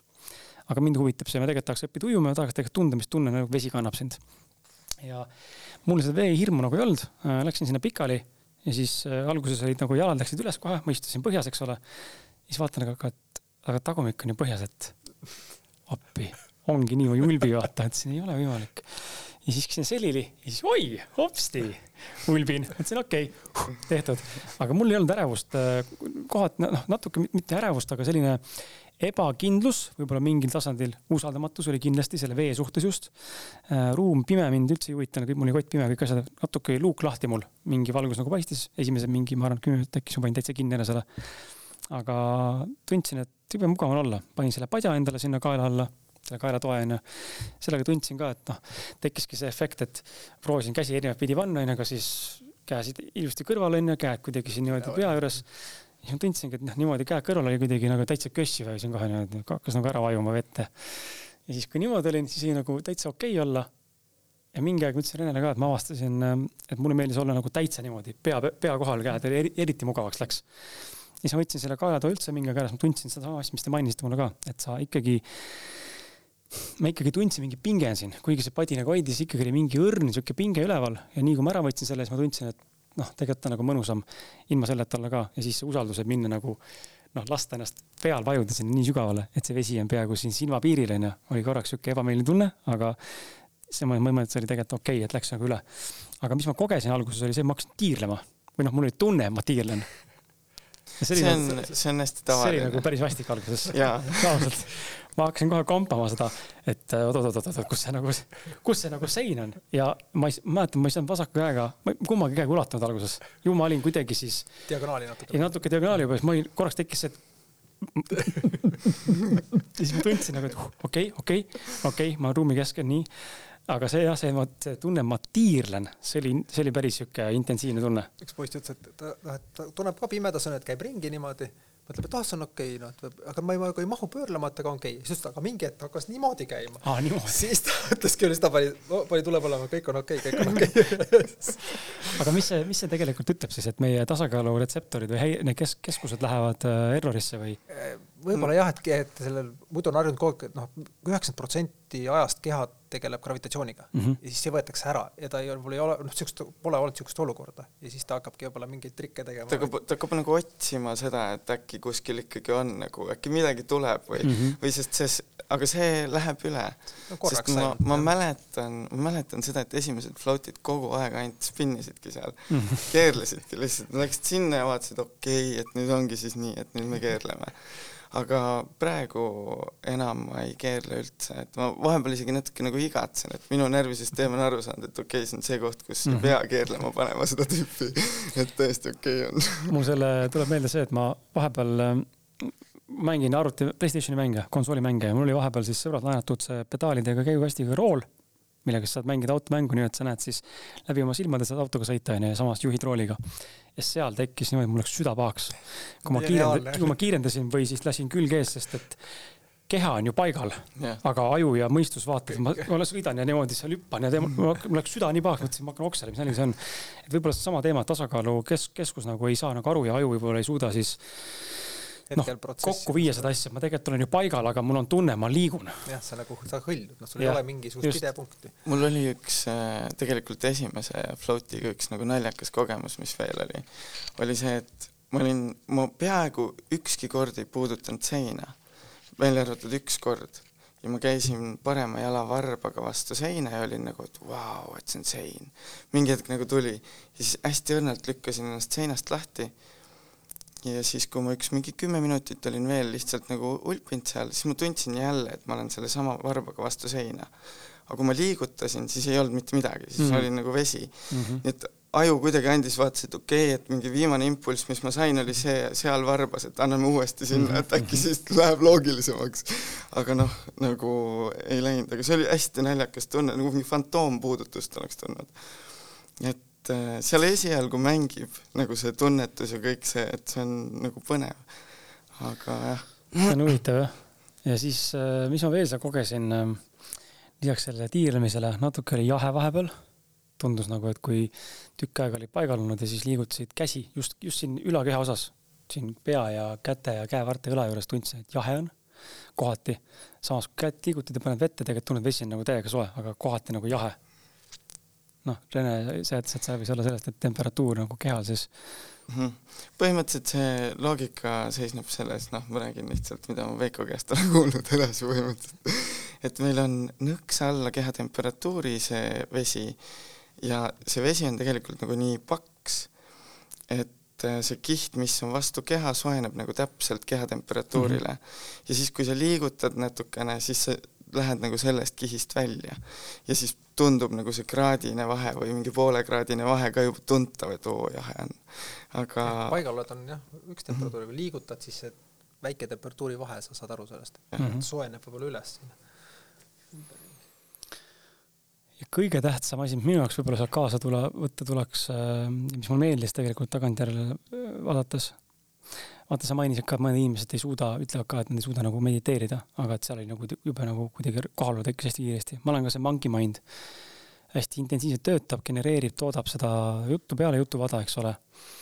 ja, ja ma olen proovinud ka nagu mediteerida, aga, aga ma olen aru saanud, et mulle nagu see ei sobi lihtsalt, ma ei suuda istuda lihtsalt ühe koha paigal, mul tekib kärsitus, ma ei suuda nagu rahuneda äh,. igav hakkab ja siis ma tundsin sedasama seal ma olin, jälle ma ei tea tegelikult kaua ma olin olnud, aga mulle tundus, et ma olin umbes viisteist, kakskümmend minutit pikutanud juba. ja siis mul hakkas tekkima see, et mida perset noh, mida ma siin, kas niimoodi pikutangi veel, et kaua see kestab, ma nagu, issand jumal, et tund aega, ma olen nii kaua olnud siin, et nagu see ju venib, ma ei elus ei suuda tund aega olla siin, see kestab nii kaua, kuidas inimesed teevad seda. ja siis, ja siis mingi aeg, paar korda olin tõmmelnud käte-jalgadega hästi õrnalt, siis hakkas see muusika mängima. ja siis mul oli nagu see, et oot-oot-oot, läbi on ju tund aega. mis asja? ja siis tundus mulle elu kõige kiirem tund aega, mis ma veetnud olen. aga alguses tundus, et venis ja see noh, ju ma siis tundsin seda võib-olla seal ikkagi tunni lõpus juba seda, et mul tegelikult on nagu nii, et väike kopp juba tekkinud ette, eks ole. kaamas hõljun onju. ja siis nagu tegelikult sai läbi, aga mul oli, mul oli nagu kaks erinevat ajataju sihukest tunnet, et see aja, ajataju küll kadus ära, see kohalolu tekkis sinna ruumi. just see, et see aeg hakkas nagu venima, tundsin, et lõppu ei tulegi sellel ja siis teistpidi tegelikult olid niimoodi kohal, et see tund ikkagi läks, noh, ma üritan nüüd mõelda, kui peaks tund aega istuma nüüd niimoodi, silmad kinni lihtsalt istuma. hingama, ma, ma ei suudaks. on ka niimoodi olnud, et, et on, meil on alguses on muusika, siis on vaikus ja lõpus on muusika, et ajab üles sind mm. -hmm. üks poiss oli niimoodi, läks sisse, muusika mängis ja ja nagu ta sai aru, et vist tukastas või kuidagi nagu noh, oli rahulik või noh, et muusika lõppes ära ja muusika hakkas kohe mängima mm kus see, kus see tund nagu kadus, lihtsalt kadus ära vahelt, et aga noh, ju inimene jääb magama ka vahest. aga kas magama, no üks levinud küsimus, kas magama jäämine seal äh, vannis on ohutu? jah, täiesti. täiesti et vesi, seal võib isegi proovida, ma ütlen inimestele, et proovige ennast keerata, see on täiesti võimatu, sa isegi niisama on väga raske ennast ringi ma proovisin, oli küll raske. noh, sa et... väga tahad, siis saaks, aga raske ja. oli. pigem on ebamugav ja raske. mina ise jään umbes noh, pooled korrad magama mm -hmm.. alati ei ole, kui kui palju sul mõtteid seal peas on, et kas ta suudab nii nüüd välja lülitada? mina ei ole näiteks sügavalt magama kunagi jäänud, aga, aga selles tõmb-, selles, kus keha kontrollib nagu väikse tõmblusega, seal ma olen nagu kogu aeg. et, et see ongi nagu see kõige optimaalsem koht, kuhu sa nagu tahad jõuda, et olla enda lõõgastumisastmel sellises kohas, kus sa kohe jääd magama, aga kuna sa oled seal nagu vees, siis sa ei jää. Siis sa lihtsalt oled selles lõõgastumisastmes nagu. see ongi niisugune piiri peal, et sa mingi hetk saad aru, et sa ei maga ja sa ei ole üleval. ja seda, seda ma kogesingi. sest kui see muusika mängima hakkas, siis ma sain aru, et oot, aga ma nagu ei maganud, aga tunne on see, et ma just nagu ärkasin mm. -hmm no see kasutatakse ka näiteks äh, sellest lennuväsimusest mm, -hmm. jet lag või, sellest ülesaamiseks jah, et, et öeldakse, et noh, et, et kas neli tund aega vannis on nagu neli tundi magamist, et mm. siis nagu taastuda sellest mm, -hmm. et mhm. see nagu aitab. nii et inimesed, kellel on, äh, tuleme selle juurde, tuleme selle järgmise küsimuse juurde, kellel seda kogemust floating ut vaja oleks, siis üks versioon praegu sinu laus kinni võttes oletan, et siis inimestel, kellel on probleeme unehäiretega või, või kes saavad väga vähe ja. unetunde. jaa mm. -hmm. kindlasti. meil üks poiss käis float imas ja siis äh, tema sõber tal oli ka unehäired olid tal. Siis tal sõber tuli sinna, ütles, et kuulge, mida te temaga teinud olete, et ta nagu magab nüüd kogu aeg, et ta nagu sai üle sellest või kuidagi väga, see aitab, aitab unele. kui vahetult, nagu sa just õhtul hilja välja tuled vannist, siis on see, et meel on võib-olla ärgas isegi, et kohe ei jää magama, kui sa oled juba nagu puhanud ära, siis ta mm -hmm. kohe ei jää magama, et aga noh, kui päeval või niimoodi käia, siis, siis on väga, ja õhtul tuleb tavaliselt väga hea uni, paljud ütlevad seda, et rahustas ära ja siis tuli hea uni õhtul. kas ka karjäärialase, tööalase või loomingulise loomingulisuse, soorituse parandamiseks või efektiivsuse mõttes võib sellest kasu olla, sest et sa mainisid mulle, vaata, mul sugulane äh,, pokkerimäng Ranno, et käib seal vahetevahel äh, enne siis mingeid tähtsaid turniire, käib seal äh, pikutamas, eks ole, kes kuulajatest äh, mõned juba teavad, kes ei tea veel, siis saab minna vaadata, mul on Rannoga video ja helifail ka olemas, Ranno Sootla, otsige podcast'i üles, pokkerimängija. et siis saate kinnituse, et Ranno edu tuleb siis float imisest, et aga, aga kas see võib olla vabalt ka tööriist sellena, et äh, saadagi ennast rohkem nagu tegevuse või, või sellise soorituse, intensiivse soorituse lainele eelnevalt? noh, see on üks floating'u nagu eesmärk ongi mm, -hmm. et sa suudad nagu, neid, neid, kuidas seda kasutada, on hästi mitmeid. et ähm, üks noh, ongi ta on, no ta ongi, et need erinevad viisid füüsiliselt, et sa lõõgastud keha. et kuna sa oled seal, graav-, gravitatsiooni ei ole ja sul temperatuuri ei ole, et see keha rahuneb ja lõdveneb. kas näiteks pärast, ma mõtlengi pärast rasket trennis, kui sul on järgmisel päeval lihas, lihasvalu, tuled, siis ma tulin just, mul olid eelmisel päeval, ma tulin hommikul sinna, eks ole, üheteistkümnest. eelmisel päeval olin teinud rasket jalatrenni, mul olid jalad tegelikult päris kanged ja nüüd ma mõtlen, et kui ma praegu seda ütlen praegu, ma hakkan mõtlema, siis äh, mul on vist tunne, et mul ei ole jalad taastunud nii kiiresti kui nüüd. jah, see ongi just taastamiseks väga hea. päev, päev kiirem võib-olla või poolteist päeva kiirem, praegu, praegu ma mõtlen selle peale erinevad nagu sportlased kasutavad mitte ainult nagu enne sooritust, aga ka nagu peale, peale näiteks mingisuguseid suuri ja pingerikkaid nagu võistlusi. Äh, noh, see on meeletu nagu koht, kus keha saab lõõgastuda, meel saab lõõgastuda, sa saad nagu korraks välja tulla sellest ärevusest ja pingest, mille siis, mille all nagu sportlased olla võivad. et äh, aga noh, see saab ka, see on, see on hea koht, kus lihtsalt keskenduda näiteks võitlussportlastel nagu korraks võita juba matš enda sees ära nagu ja siis minna ja võita siis päris maailmas ka matš ära. või noh, nagu visualiseerimiseks ja mingite tunnete tekitamiseks üks, üks hea näide, mis oli, oli äh, ma ei tea, kas aasta tagasi või mõned aastad tagasi oli see Ironmani jooks Tallinnas ja siis äh, mõned välismaalased käisid ja üks tüüp tuli välja tängist, tund aega oli, ütles, et ta kaks korda jooksis selle asja läbi või noh, enda -hmm. sees juba, et valmistada ennast ette või noh, et inimesed on väga leidlikud, kuidas kasutada nagu oma tähelepanu lihtsalt, et muuta nagu maailma lihtsamaks enda jaoks ma just kuulasin Joe Rogani vanemat podcast'i ja seal ka ta rääkis floating ust, kuna tal endal on see floating ja siis ta räägib sellest hästi palju ja ta on sellest abi saanud ja ta tegeleb nende võitluskunstidega. ta ütles, et ta teeb terve selle jujitsu nagu harjutuste seeria teeb vannis peas läbi kõik mm, -hmm. kuidas, mitte ta füüsiliselt ei liiguta, aga ta teeb kõik need liigutused nagu oma peas teeb läbi, harjutused. ja siis pärast kehaliselt. seda on, ma kunagi lugesin, ma ei mäleta, mis uuring see oli, tehti kunagi uuring, võib-olla isegi olete te kuulnud sellest, teie siin ruumis ja meie kuulajad ka. tehti uuring, äh, äkki oli vist Aafrika ujujatega või midagi taolist kelle ujumistingimused ei ole siis nagu superhead, aga ujujad, äh, mis iganes tasemel nad siis parasjagu olid, et äh, nad visualiseerisid ujumist, ilma et oleks tegelikult ühtegi ujumisliigutust nagu ise füüsiliselt teinud. ja samal ajal siis uuringu tulemusel oli näha, et äh, need lihased arenesid Mm -hmm. see oli mingi pikem periood, kui nad tegid seda, aga puhtalt siis mõttejõul, tehes neid mingeid kindlaid liigutusi, oli näha, et needsamad lihased, mis tegelikult ujudes tööle hakkavad ja tegelikult koormust saavad, sai neil koormus ka ilma füüsilise liigutuseta. noh, see on see mind over matter nii-öelda see lause, kus see sisse tuleb, eks ole, mõistusele mateeria nii-öelda. et see on nagu huvitav teema, aga mul ikkagi tekib veel küsimus juurde, võib-olla kuulajal ka, et aga mille vastu, milleks seda floating veel kasutada saab siis? noh, siin oli ärevuse puhul, eks ole, me rääk-, me oleme rääkinud siin nüüd tippsoorituse puhul, me oleme rääkinud siin minul võib-olla foobiast ülesaamise mõttes või sellest äh, mingist traumast, eks ole, vesi kannab sind. mis seal veel nagu on, mida, mida inimene saaks nagu tulla tegema sinna? võib-olla selle koha peal tasuks mainida raamatut, on niisugune raamat nagu, ta Michael Hutchinson on kirjutanud selle ja The Book of Floating see on kirjutatud vist kaheksakümmend kolm ja see on nagu kõige põhjalikum raamat, keegi pole sellest nagu paremat teinud ega midagi uuesti kirjutanud. et, ja temal on raamatu sisukorras on need kõik äh, teemad, iga peatükk on üks teema, sama nagu see küsimuski, et, et milleks seda kasutada, siis ongi, et täpselt see on nagu pealkiri ja see räägib sellest äh, konkreetsest teemast. et noh, siin on näiteks üks on super learning ja äh, spordist taastamine, just see visualiseerimine ja see antigravitatsioon ja kõik need mm. -hmm. ma võib-olla jagaks enda, enda nagu kogemust ka, et ma praktiliselt äh, tegelesin ärevusega umbes ühe aasta. et uurisin ennast, panin enda nagu seda lapsepõlve nagu lugu ja seda puslet nagu kokku. aga sealt edasi ma noh, ma läksin äh, bioenergeetika ühele kursusele ja siis ma hakkasin tängis lihtsalt enda energiakeskuseid tunnetama ja üldse enda nagu sisemist energia nagu juhtimisega tegelema. siis ma tegin seda kuskil nagu ikka väga pikalt, mul on olnud väga palju erinevaid nagu faase, et mida mina isiklikult seal tängis nagu teinud olen äh,. praegusel hetkel ma käin lihtsalt äh, tängis nagu unistamas praktiliselt. et et äh, kuna, kuna ma tegelen ka nagu loomingu laulude kirjutamisega, siis ma tihti lihtsalt nagu laulan mingi lava peal tegelikult olen nagu tängis või, või nagu visualiseerin ja, ja väga tihti tulevad mingisugused teatud fraasid või teatud lüürika mulle ka nagu tängis.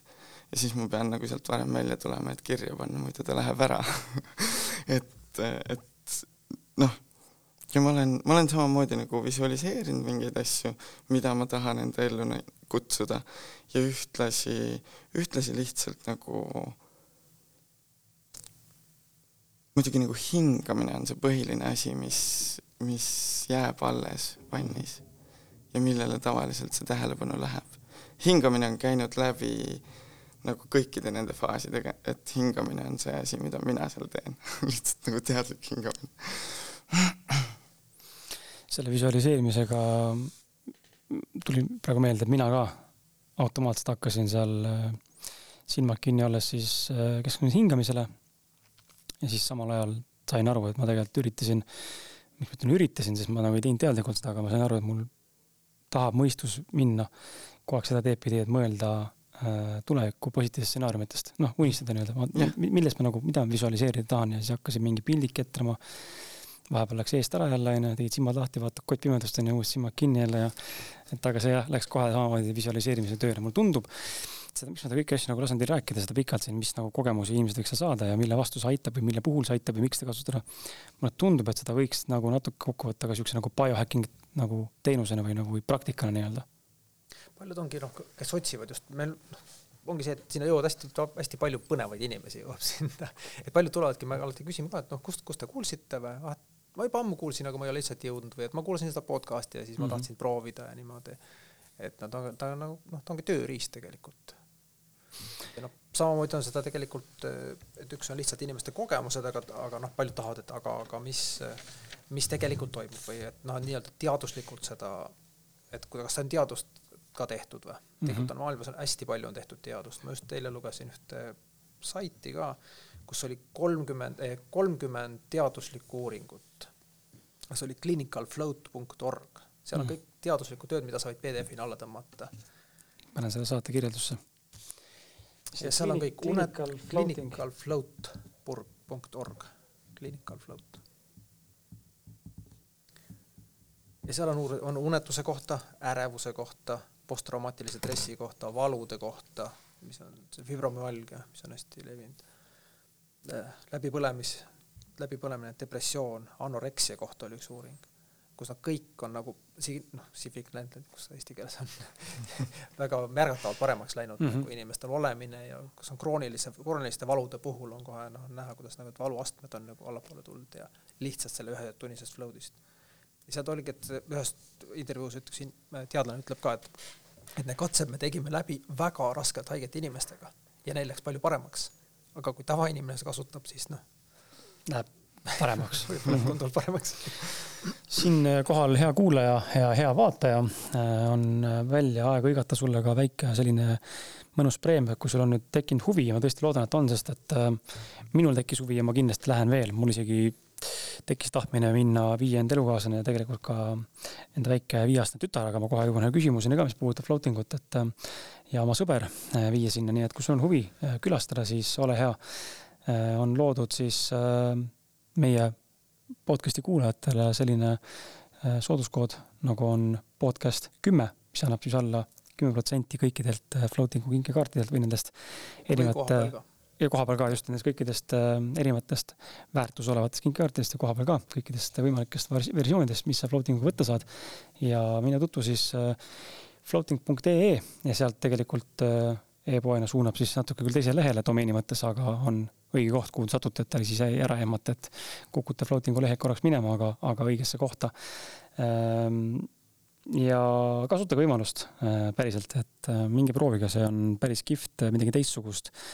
kui midagi sellist varem nagu proovinud ei ole, siis see on küll sihuke, ma ütleks, et väga turvaline ja, ja, ja väga-väga sihuke ma ei teagi, ma ütleks nagu huvitav teistmoodi, noh, minus tekitas huvi nagu näha, mis ta nagu pikaajaliselt teeb. käia nagu seal regulaarsemalt. mul näiteks on just see stressi teema, tohutu stress on üleval ja ma olen hästi nagu mõnes mõttes hästi tohutu pinge all igapäevaselt. ise tekitan seda pinget endale, noh, mis iganes asjadega. Äh, ei suuda nagu vabalt võtta, vaid olen hästi sihuke nagu kramplik teinekord mingites situatsioonides. tahan kõike kontrollida, kontrollifriik, eks ole annan endale aru vähemalt, aga, aga sellega tegeleda on nagu keerulisem niimoodi nagu lõpuni, et mul, mul nagu mõned üksikud individuaalsed sellised soovid on näha, et mida seal, mida see tünn mulle siis pakkuda veel saab, kui ma seal neid käima hakkan.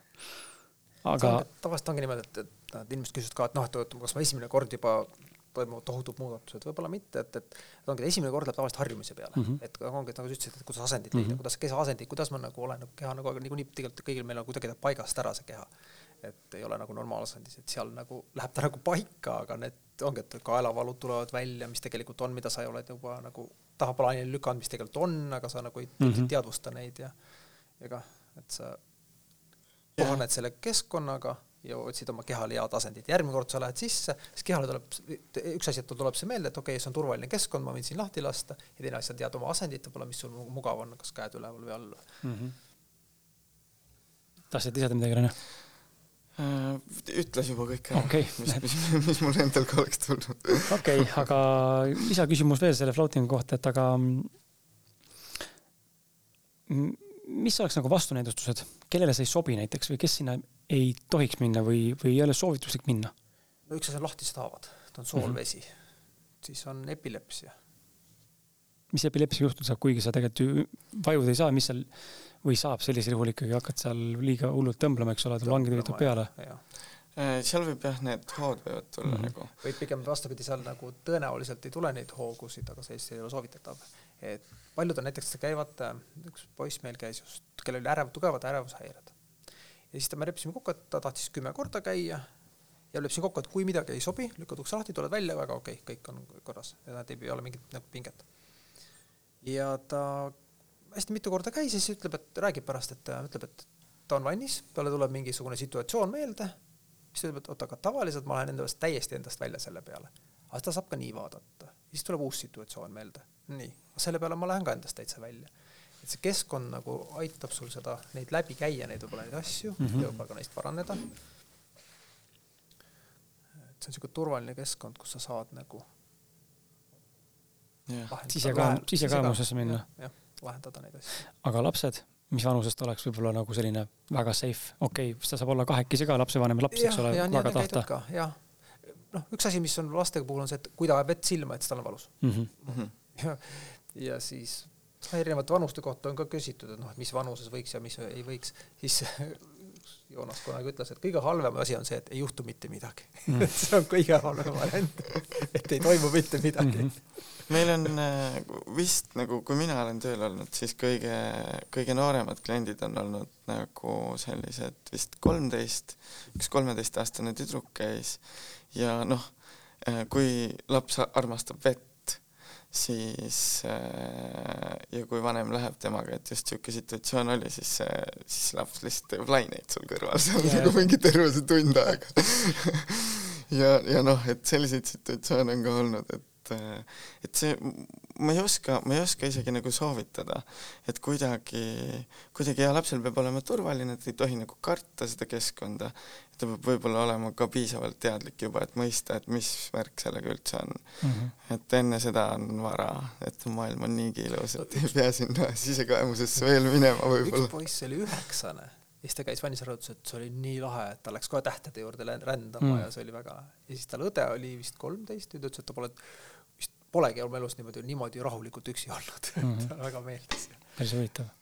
kuidas on rasedate inimestega, naistega tähendab? seda väga soovitatakse, sest mm. sul rasedusega on kõik need pinged seljas, nii et see võtab just need pinged ära ja see on väga hea. no vot, rasedad naised float ima. Äh, okei, aga küsiks teie enda kogemust ka siia lõppu veel, äh, enne kui läheme edasi nagu ka mõnes mõttes floating kogemustega, et milline on olnud teie kõige sügavam ja meeldejäävam kogemus seoses floating'u äh, teraapiaga või floating uga ja kuidas on teie mõttemaailm muutnud või mis see teie jaoks on tähendanud?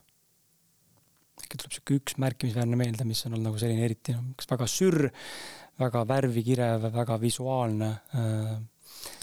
mul on. või traumeeriv. mul on mul tuleb nagu üks lugu äh,, mis oli, mis oli nagu hästi nagu huvitav.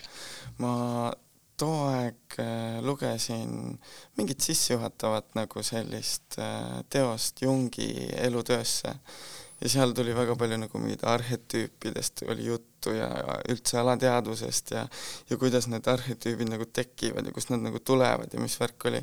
ja siis ma, ma nagu, kui ma floatimas käisin, siis mul hakkasid kangastuma kogu aeg mingisugused nagu tegelased mm. ja ükskord siis oli niisugune nagu, nagu naljakas nagu juhus kus äh, ma olen nagu tängis ja siis mulle kajastub selline pikkade mingi blondide juustega liblikad lendavad ümber, selline nagu naine. hull mingi naisenergia kehastus tuleb, kummardub minu kohale ja siis ütleb mulle, et kuule, et Rene, et sul on nüüd aeg välja minna tängist. siis ma seal võpatasin ennast üles, mõtlesin, et okei okay,, et mis värk on, mõtlesin natukene, siis vaatasin, no siis tuleb minna ja siis, kui ma tängist välja jõudsin täpselt nagu õigel hetkel, siis keegi lasi kella ja tahtis midagi nagu ostma tulla mm. või et noh, mingi niisugune täiesti nagu jabur, vaata aga, aga üldiselt jah, et mul on niimoodi, et kui ma loen mingeid asju, siis mu alateadvusest hakkab tõusma neid nagu samu kontseptsioone või et mm, -hmm. et kui midagi nagu uurid, siis hakkab juba sealt kuskilt nagu mingit uutmoodi nagu selgust tekkima ja uutmoodi nagu taipamisi, et et äh, see on hästi-hästi uskumatu tegelikult vahend, kui, kui nagu piisavalt käia siis, siis hakkab ise looma ennast nagu see, et mis seal juhtub. ja endiselt on nagu peale kolme aastat float'i ma ikka veel nagu käin seal ja teen seda, et see on ikka veel nagu põnev. ei ole see võlu kuskile nagu läinud mm. -hmm. et äh, jah, see, see lugu tuli nagu meelde võib-olla oli see, et äh, ma mingi periood ka hästi tihedalt float isin. ja siis ma üks, üks järgmise, ühel järgmisel päeval tajun, et kõik meile, noh, meil kogu aeg peas käib midagi mm -hmm. ja kogu aeg tuleb midagi meelde ja niimoodi ja siis ma, ma tajun, et üks hetk, et hmm, kõik asjad, mis mulle meelde tulevad, on mingist keskkooli lõpust ühest perioodist. nagu keegi oleks mingisuguse kausta lahti teinud, kõik mälestused tulid sealt, võib-olla seda oli vaja läbi töötada ja need mälestused tulid nagu ühest nagu, ühest kaustast, ühest nagu ajaperioodist mõtlesin hm,, ju see on sellega seotud või kuidagi, et mm. tavaliselt ei tule nad nii nagu järjepidevalt nagu need asjad meelde. et see juba siuke hoho, sa tajusid nagu. jah, nagu kirst tehakse kuskilt kohast lahti ja siis tuleb mingi teatud info, mille peale sa võib-olla ei ole üldse mõelnud. ja seda tuleb nagu üles ja siis saad nagu selle läbi protsessida, et kui seal on nagu mingisuguseid asju protsessimata veel, siis on nagu väga-väga hea, no mul hakkas lapsepõlve samamoodi üles tulema et äh, mitte tängis olles, aga just nagu sellel vahepealsel perioodil, kui ma aktiivselt float isin ja proovisin nagu sealt infot kätte saada, et siis tuli mega palju. see avab nagu mingi kanali mälestuste vahel ka. see ei tule nagu pauhti korraga mm, -hmm. see ongi nagu noh, siis kui pauhti korraga tuleb, see on psühhoos inimesel yeah. et üles tuleb kõik. ta tuleb niimoodi vaikselt, nii nagu sa saad absorbida, et mm -hmm aga üks, üks lugu tuleb mul veel meelde, mis oli nagu hullult lahe lugu. et tuli selline, ma julgeks öelda, et üks mingi seitsmekümne viie aastane vanem naisterahvas. ja siis tema, kui ta nagu tängist välja tuli, tund aega oli sessioon pikk, tuli välja, ta oli väga nagu hämmastunud, ütles, et vau, et mis te siin nagu teete. et ma läksin nagu sinna sisse, panin tuled kustu, natukene aega olin ja siis ma olin nagu karjamaal mingi kolmeaastane tüdruk. Ja ma teadsin, et metsas on allikas ja, ja käisin seal ringi ja vaatasin oma seda nagu kodutalu, kus ma nagu sündisin ja kasvasin ja siis hakkas järsku muusika mängima ja nüüd ma tulin välja, et vau, mis, mis värk oli, ta oli nagu nii ja ma nagu ist-, istusin, seisin, kuulasin, mõtlesin, et vau, mul ei ole ka nagu niisugust, niisugust kogemust olnud endal, et et inimesed reageerivad sellele väga erinevalt. aga kuidagi jah, kuskilt nagu mingi info tuleb, mis peab tulema nagu või, või jah.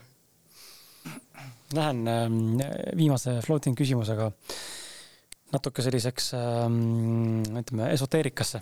lihtsalt teid kuulates tekkis sihuke küsimus.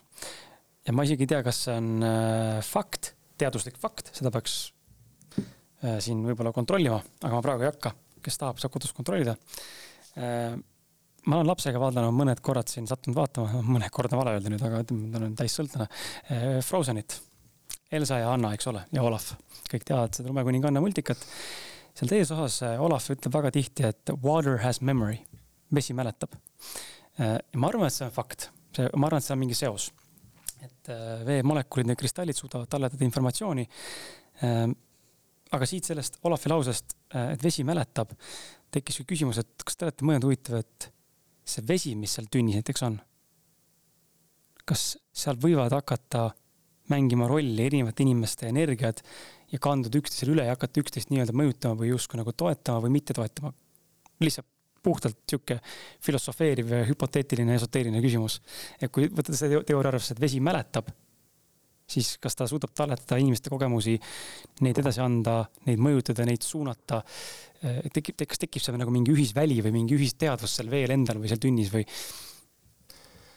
üldiselt ma olen pannud selliseid nagu sünkroonsusi tähele küll et näiteks kui ma tööle tulles ise teen esimese float'i, lõõgastun täielikult ära, siis kliendid, kes tulevad peale mind äh,, on ka nagu, või noh, siis on nagu terve, kõikidel terve, nagu terve päev on väga hästi, vaata mm. -hmm. aga kui ise oled nagu pinges mingite suvaliste asjade peale. peksad vett niimoodi selle. ei no mitte mitte, mitte selles mõttes, aga kui lihtsalt nagu töötajana ise oled nagu mingi pinges, ketrad mingit oma mingit jama siis tavaliselt kliendid on ka nagu siuksed natukene nagu noh, teistsugune nagu tunne on, et ma olen mm. märganud seda oma nagu pea, pea kolme aasta jooksul töötades mm -hmm. seal küll, et sellest, millise nagu tundega teenindaja seal on, sellest sõltub nagu inimeste kogemus ja kui hea kuuleb, kui kogemus, pool naljaga muidugi, kui kogemus oli halb, siis teate, et Rene oli enne seal. ma lähen panen ruumi valmis ja peks, peks, närviliselt. aga, aga kohati see ei ole ka nagu reegel yeah., sest et, sest et aeg-ajalt on niimoodi, kus mina olen seal ülistressis ja siis keegi tuleb välja, ütleb, et mingi vau wow. yeah., et nagu super, et nagu nii hea, teeme ühe tee ka ja siis, ja siis kohati seal kindlasti mängib see nagu energeetika mm -hmm. kuidagi, et, et sõltub, kes on enne sind olnud, aga noh mine sa tea, mina võin näiteks käia ükskõik millal float imas ja mõista ikkagi seda, et okei okay,, et minu vibe on siin mm, -hmm. mis, mis nagu domineerib. mis sina, Veiko, arvad sellest küsimusest selles mõttes see isegi võib veega, veega seotud olla, see võib olla inimesega juba, kui inimene sisse tuleb, et mis energia ruum ju talletab ka energiat samamoodi, seinad ja asjad noh, meil on näiteks vees ju nii palju nagu seda soola, et seal on juba see oma nagu soolakristall mm, -hmm. mis tal, talletab ka kindlasti informatsiooni. et äh, aga sool teatavasti on sellise puhastava toimega, et kui, kui ei taha, et mingi halvad vaimud tuppa tuleks, siis paned soolast yeah, mingisuguse joone maha või teed ringi ümber millelegi või noh, et äh,, et jah. ja ei ei, lihtsalt väga põnev, väga põnev. kihvt asi, äh, tuletan veel kord meelde, sooduskood, mida saate kasutada kõikidele erinevate floating'u teenustele või nendele võimalustele siis kohapeal või internetis floating.ee, selleks koodiks on podcast kümme. annab sulle miinus kümme protsenti alla, see kood on äh, saate kirjelduses ka. kas sellel on ka mingi tähtaeg, millal ta aegub või mis te aasta, olete? aasta lõpuni on. aasta lõpuni, nii et siis andke aasta lõpuni tuld. lihtsalt, äh, kui palju võiks nüüd inimene käia? ütleme nädalas, kuus, mitu korda võiks seda tegelikult teha. kas see on alguses intensiivsem, pärast äh, vähem intensiivsem, võiks olla stabiilselt kogu aeg ühtemoodi või millal aru saada, et nüüd on nagu that's it või ma vajan tegelikult veel? no kahtlemata, osad inimesed käivad niimoodi, et tunnevad, kui elus läheb nagu pingeline periood on, siis nad käivad näiteks kord nädalas. või siis mõned on ka käinud mitu korda, mitu korda nädalas. ja, ja, ja muidu soovitakse niimoodi, et näiteks, et käia kuu jooksul kolm korda ja siis kord kuus mm. -hmm. see on niisugune hea, et siis sa, see keha harjub sellega ära, saab selle tunnetuse kätte ja siis kord kuus tuletab seda meelde jälle. meil on inimesed käinud niimoodi ka, et on tulnud aasta pärast või paari aasta pärast täpselt see tunne tuli kohe meelde mm, -hmm. kuigi see aeg oli nii pikk mm. -hmm. et see kehatunnetus jääb ikkagi seal kuskile sisse. aga kui mõni fanatt, kes tahab käia iga päev kaks korda näiteks, siis see on ka okei okay.? ikka saab selles suhtes, et äh, saab küll jah, aga tasuks, tasuks jällegi vaadata lihtsalt, kuidas endal tunne on et mina, noh, mina sain väga nagu tugeva tunde lihtsalt, et nädalas korra on see viis, mis mind nagu kõige rohkem aitab ja toetab elus. ja siis noh, sellest äh, aga üldiselt kliendid käivad hästi, nii nagu neil mm -hmm. tunne on, et käiakse, kes aastas korra, mehed üldiselt käivad tavaliselt nagu sihikindlamalt, et võtavad endale ette ja te käivad iga kolmapäeva õhtu, ütleme vaata, ja siis teevad mingisuguse sellise nagu kuuri. aga tasuks kindlasti, eriti kui päris täpselt aru ei saanud, nagu mis värk oli float ides, siis tasuks kindlasti järgmine nädal uuesti tulla ja mm -hmm. proovida veel. et mitte täiesti aasta pärast tulla ja, uuesti proovima. see on ka, et kas sa tahad rohkem nagu mõtetega tegeleda, et see on sul nagu oma võib-olla mingisugune periood, et kui suur see vahe on või näiteks mõned on, kes käivad meil krooniliste, noh, kas valutab kuskilt või no valutõugu mm, -hmm. Et siis pole mõtet seda vahe väga pikaks jätta, et siis on mõtet nagu tihedamini mingi kuur ära võtta mm. -hmm. noh, Rootsis näiteks kasutatakse seda haiglate juures taastusraviks, see on kohe haigekassa nimekirjas ja inimesed käivad. arst ja, määrab neile. üks huvitav asi oli veel, et üks, üks kliendi lugu lihtsalt, kes hiljaaegu käis äh, float imas, ütles, et ta läks massööri juurde peale autoavariid ta ise ei saanud kannatada, aga kehas oli niisugune pinge mm -hmm. ja niisugune nagu stressi, stressi nagu olukord ja siis Äh, massöör ütles, et kuule, et see, mul ei ole siin nagu midagi teha, et ma võingi jääda sind nagu lahti mudima, aga mine float ima. ja siis ta, noh, see lõdvestab su keha tunni aega täiesti, täiesti nagu ära.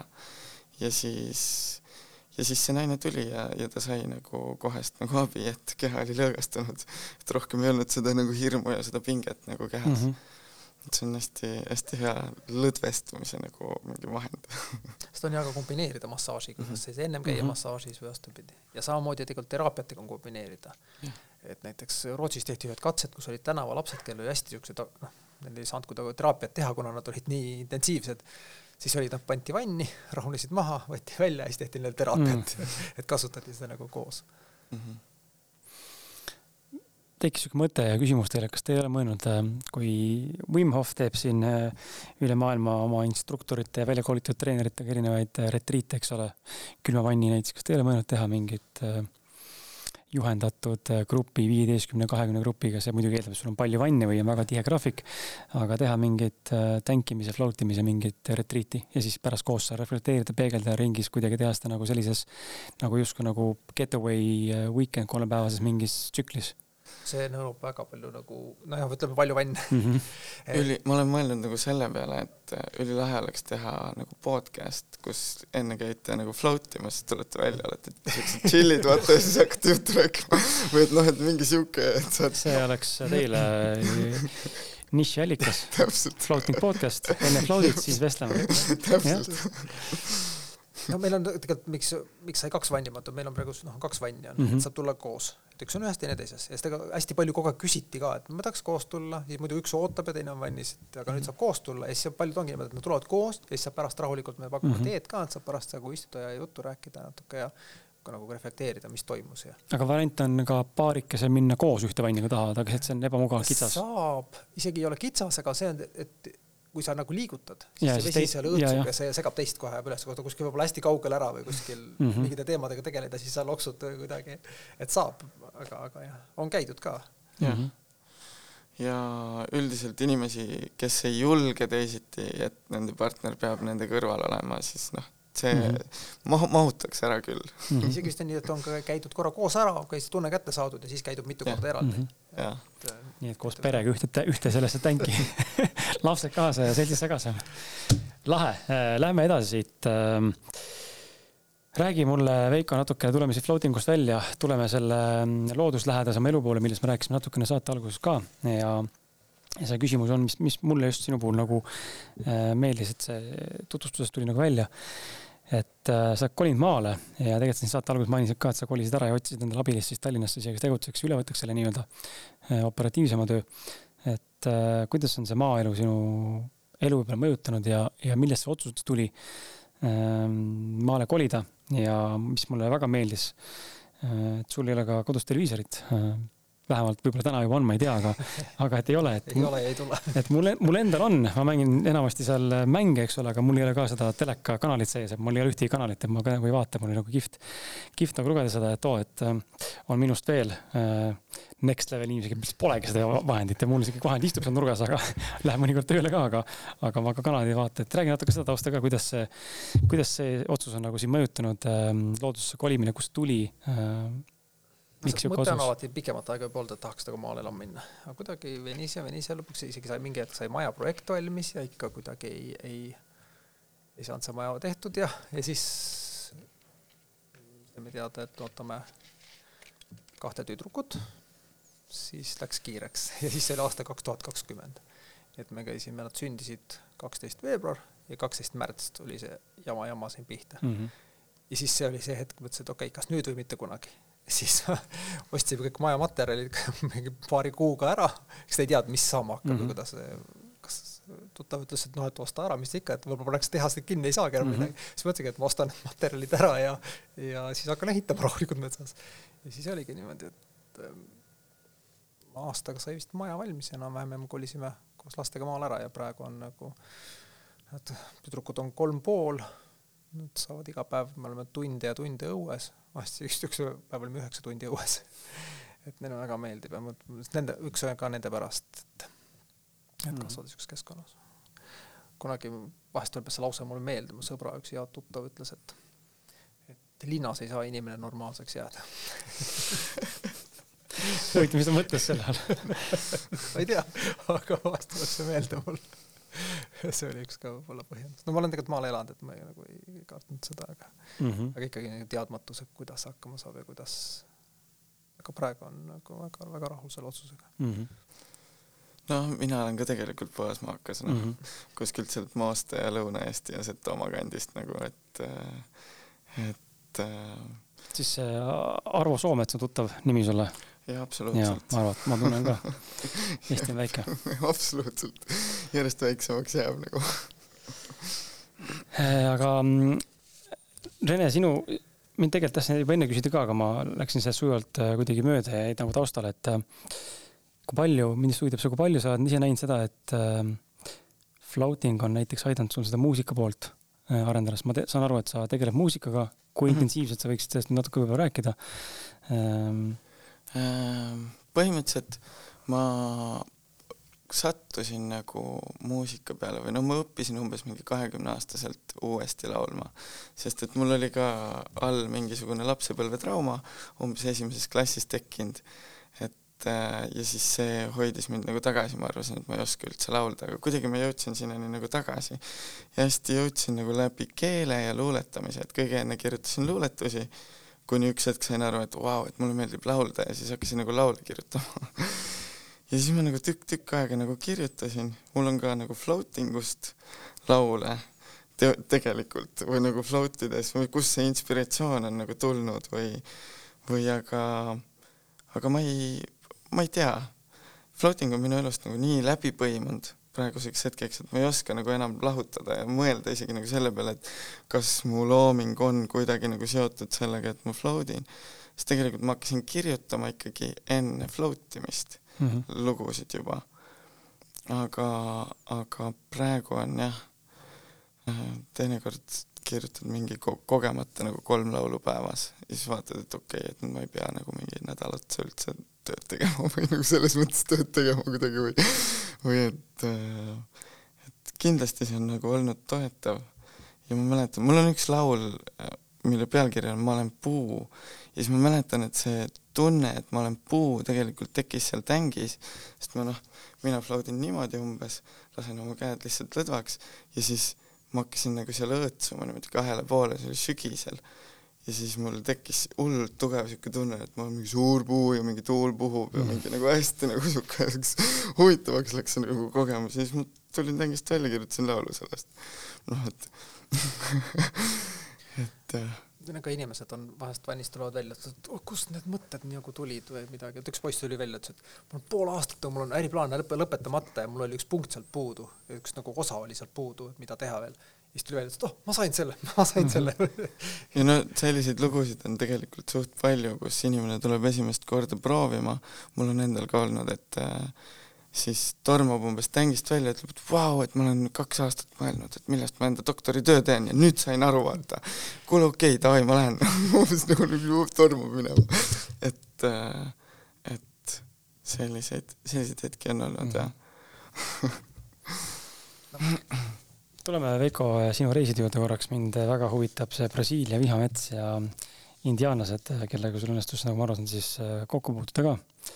mitte ainult siis äh, oletan, ma ju ei tea, et mitte ainult siis vitriini tagant vaadates, vaid, vaid ikkagi nagu suhelda ja olla kuidagi nendega või selles keskkonnas rohkem, et räägi, mis, räägi sellest reisi eesmärgist ja kuidas see kujunes ja kus sa käisid, mis tegid?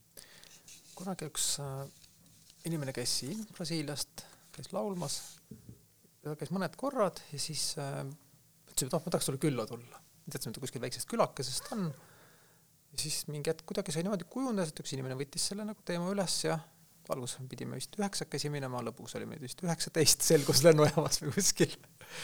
ja see oli niisugune päris omapärane reis, see oli täitsa vihmametsa, see oli Rio äh,, Rio Branco on üks linn vihmametsas, kus olid need kunagi need kummi, kummiparunid elasid seal mm, -hmm. kus seda kautšuki korjati. Ja sealt veel kolmsada kilomeetrit metsa lennuk, tähendab kolmsada kilomeetrit edasi on üks väike linna külake Giordao, siin on enda pisikene lennuk, kus mahub vist kuus inimest. ja siis sealt veel paatidega pool päeva üles jõge et see oli nagu täitsa, täitsa, täitsa vihmametsas. siis me käisime siis mööda neid külakesi seal ja kus väga polnud, valge inimene polnud väga käinudki veel.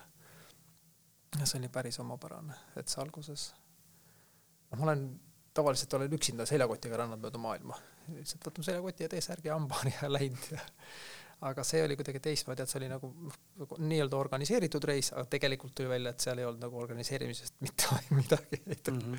ja see oli niisugune tõsine nagu, mitte katsumus, aga ta oli niisugune väga teistmoodi reis, niisugune väga, väga ehe ja, ja siis pärast tagasi tulles keegi nagu seal istusime koos ja mõtlesime, et kas sa niisugust reisi soovitaks oma sõpradele siis kõik muigasid selle peale, et see on võib-olla, võib-olla isegi liiga ekstreemne et kellelegi niimoodi soovitada. aga see oli põnev ja see oli nagu ka niisugune enesereflektsioon, et noh, et kuidas sa tuled toime niisuguste, et ei ole niimoodi, meil on see, et on kellaajad ja niisugused asjad, et võib-olla homme, aga võib-olla ülehomme et niisugused -hmm. asjad, et no võib-olla Indias on ka kuskil see rohkem et, et aga mingeid hirme või mingeid siukseid asju öelda, ma lihtsalt kargab ka pähe mingisugused stereotüüpsed mõtted, et issand, seal on anakondad ja, ja krokodillid ja siis on kannibalid võib-olla ja mis veel, eks ole, et. ei, ikkagi nii palju meile lubati, et meid viiakse sinna metsa ja tuuakse meid tagasi ja seda nagu lubati, aga no vaadates neid lubadusi, siis nagu ükski neist ei pidanud, aga, aga me tulime sealt tagasi ja ei, niimoodi ei olnud jah, siukest nagu konkreetset hirmu, aga siukene nagu ikkagi siuke ärev, ütleme, oli vahepeal mm -hmm. võib-olla, aga mitte siukest et see oli siuke enda, enda proovilepanek nagu. mis see ärevus tekitas rohkem, kõige rohkem seal, loodus?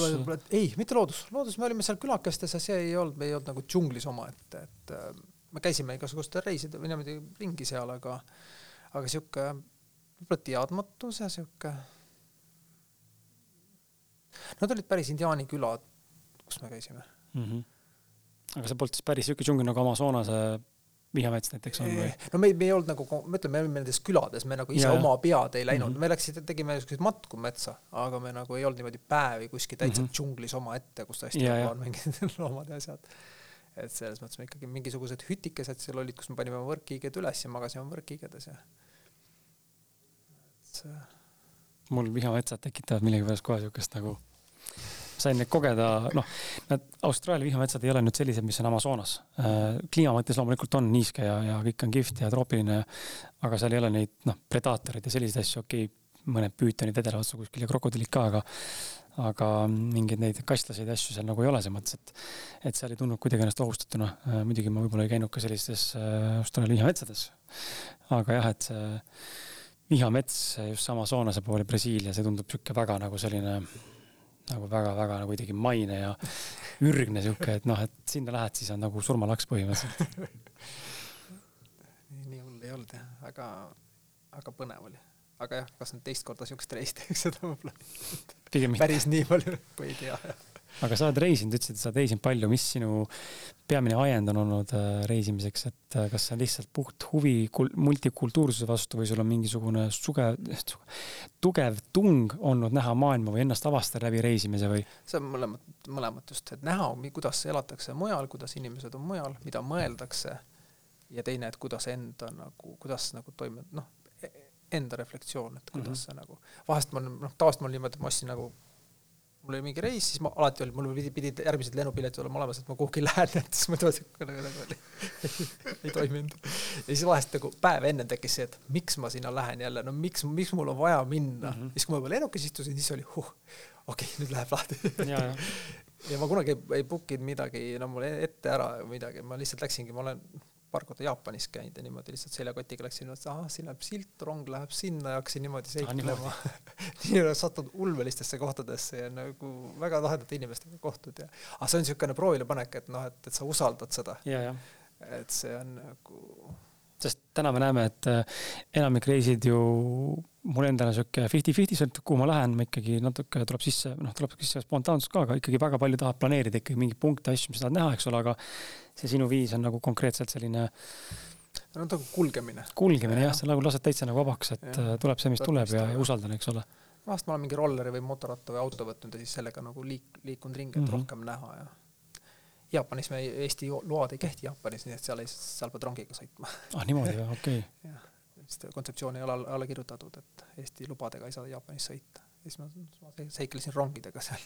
seda ma ei teadnudki, ma mõtlesin, et see on äkki globaalselt nagu, et mine ja sõida vaata, et arvestad liiklesin teistpidi, aga. jah, ja ma Austraalias olen sõitnud, aga ja Tais ja ka aga Jaapan on üks niisugune omapärane koht jah, kus on kõik on, kus on teistmoodi, see tajud on teistmoodi, maitsed kõik ja Hiina võib-olla ei olegi nii, et Jaapan on niisugune, kus hakkab teistmoodi mõte tööle mm. -hmm. ta natuke võib-olla isegi hirmutav, on see Jaapani see maa kui kultuur, et seal on, kõik on väga niimoodi rangelt nagu mm -hmm. paigas.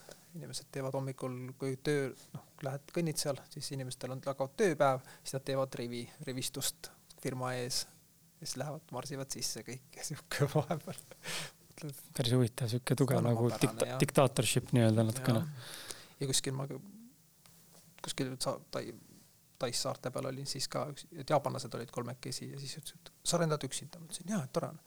kuidas sa saad, nemad olid kolmekesi, magasid kolmekesi ühes toas ja kõik olid nagu kaks tüdrukut ja üks poiss, et ja siis äh, ütles, et kuidas sa saad niimoodi, see ei ole võimalik, või ei ole võimalik niimoodi üksinda käia. ma ütlesin, no küll, lihtsalt käid, et nad neil oli see täitsa ulme. väga huvitav tuleme saate kahe sellise, ütleme, viimase, kahe viimase küsimuse juurde. et mind just huvitab praegu see viimane pool, et millised on teie isiklikud äh, meetodid äh, vaimse heaolu säilitamiseks? ma saan aru, et tahate öelda mulle, et floating, aga, aga peale selle, et äh, millised on need praktikad ja, ja võib-olla ka mingisugused harjutused või, või suhtumised või mõtteviisid, mida te olete omistanud või uskumused, mida te olete endale kinnistanud läbi erinevate siin aastate mida siis meie kuulaja, kes vaatab ja meid kuulab praegu, saaks endaga siit saatest täna kaasa võtta praktilise kombi, mis aitaks tal ka jõuda äh, vaimse heaolu saavutamiseni või jõuda sellisesse rahuseisundisse rohkem või vaadata, hakata ennast rohkem reflekteerima või usaldada elu rohkem või, või mis iganes veel positiivset tulla tahab? ma võib-olla lisaks, lisaks floating ule hüüaks välja vabastava hingamise ja üldiselt ka igasugused erinevad hingamisega seotud praktikad on, on need, mida ma ise kasutan. et äh, kuigi jah, neid, neid nagu vahendeid ja tööriistu on nüüd ajaga nagu juba tekkinud, aga sügav hingamine, see hakkab noh, energiat liigutama kehas ja, ja toob hästi-hästi kohale. ja see on olnud nagu float imise kõrval nagu alati minuga. et jah. no mulle meeldib hästi lugeda, mulle meeldib raamatud ja sellest ma sain aru väga ja mind huvitavad just, kuidas nagu mingid inimesed on toiminud, mulle meeldib elulugusid lugeda mhm. -huh. kuidas nagu toimitakse noh, ma ise kuulan hästi palju Jordan Petersoni, mulle ta meeldib, ma tean inimesi, kes ei suuda teda nagu kolmkümmend sekunditki kuulata mm, -hmm. seda ka vastu siis ta ütleb konkreetselt, ta ütleb, mis tegema peab, aga kuidas sa nagu oma elu korda saaks ja mõned ütlevad, ma ei saa seda korda nagu trenni tegemine on ka see, mis täiega hoiab, hoiab nagu keha. teed nagu mingisuguse jõutrenni ära ja siis tunned, et keha nagu kuskil raku tasandil lihtsalt rõõmustab. Ja, ja see on, see on ka, mida ma ise kasutan. see on nagu põhi, põhikolmik, hingamine, trenn ja floating mm. -hmm. aga no siia võib panna sauna veel sisse nagu, mis on ka ideaalne.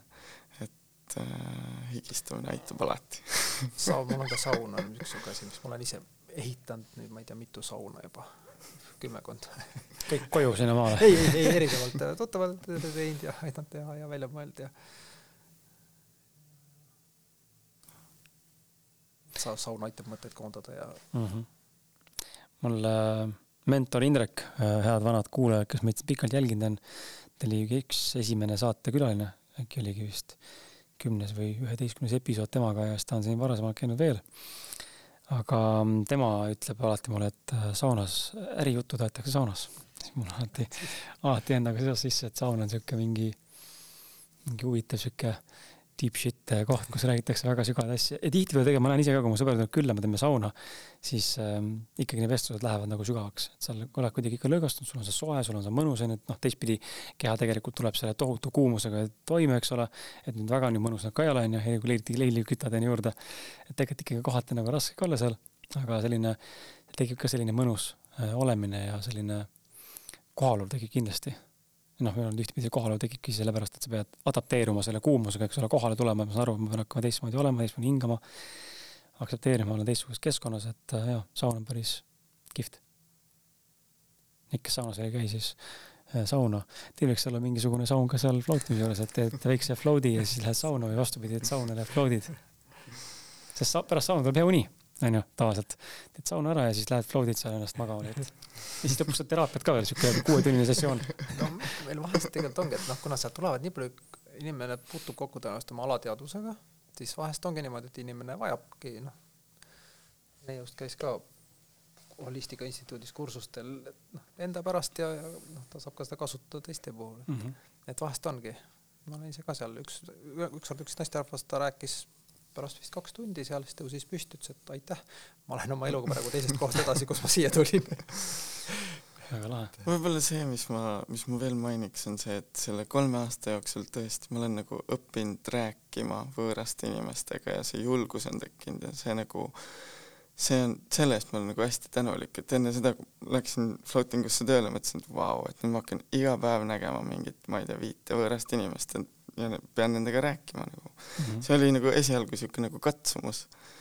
aga siis nagu õpid, õpid jälgima nagu, kuidas nagu klient on, kas ta tahab üldse midagi rääkida.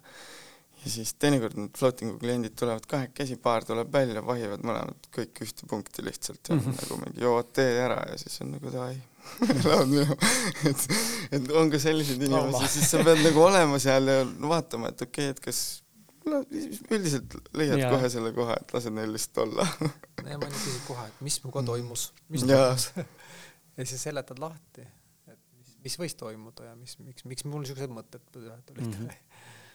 et erinevaid on. päris lahe jah.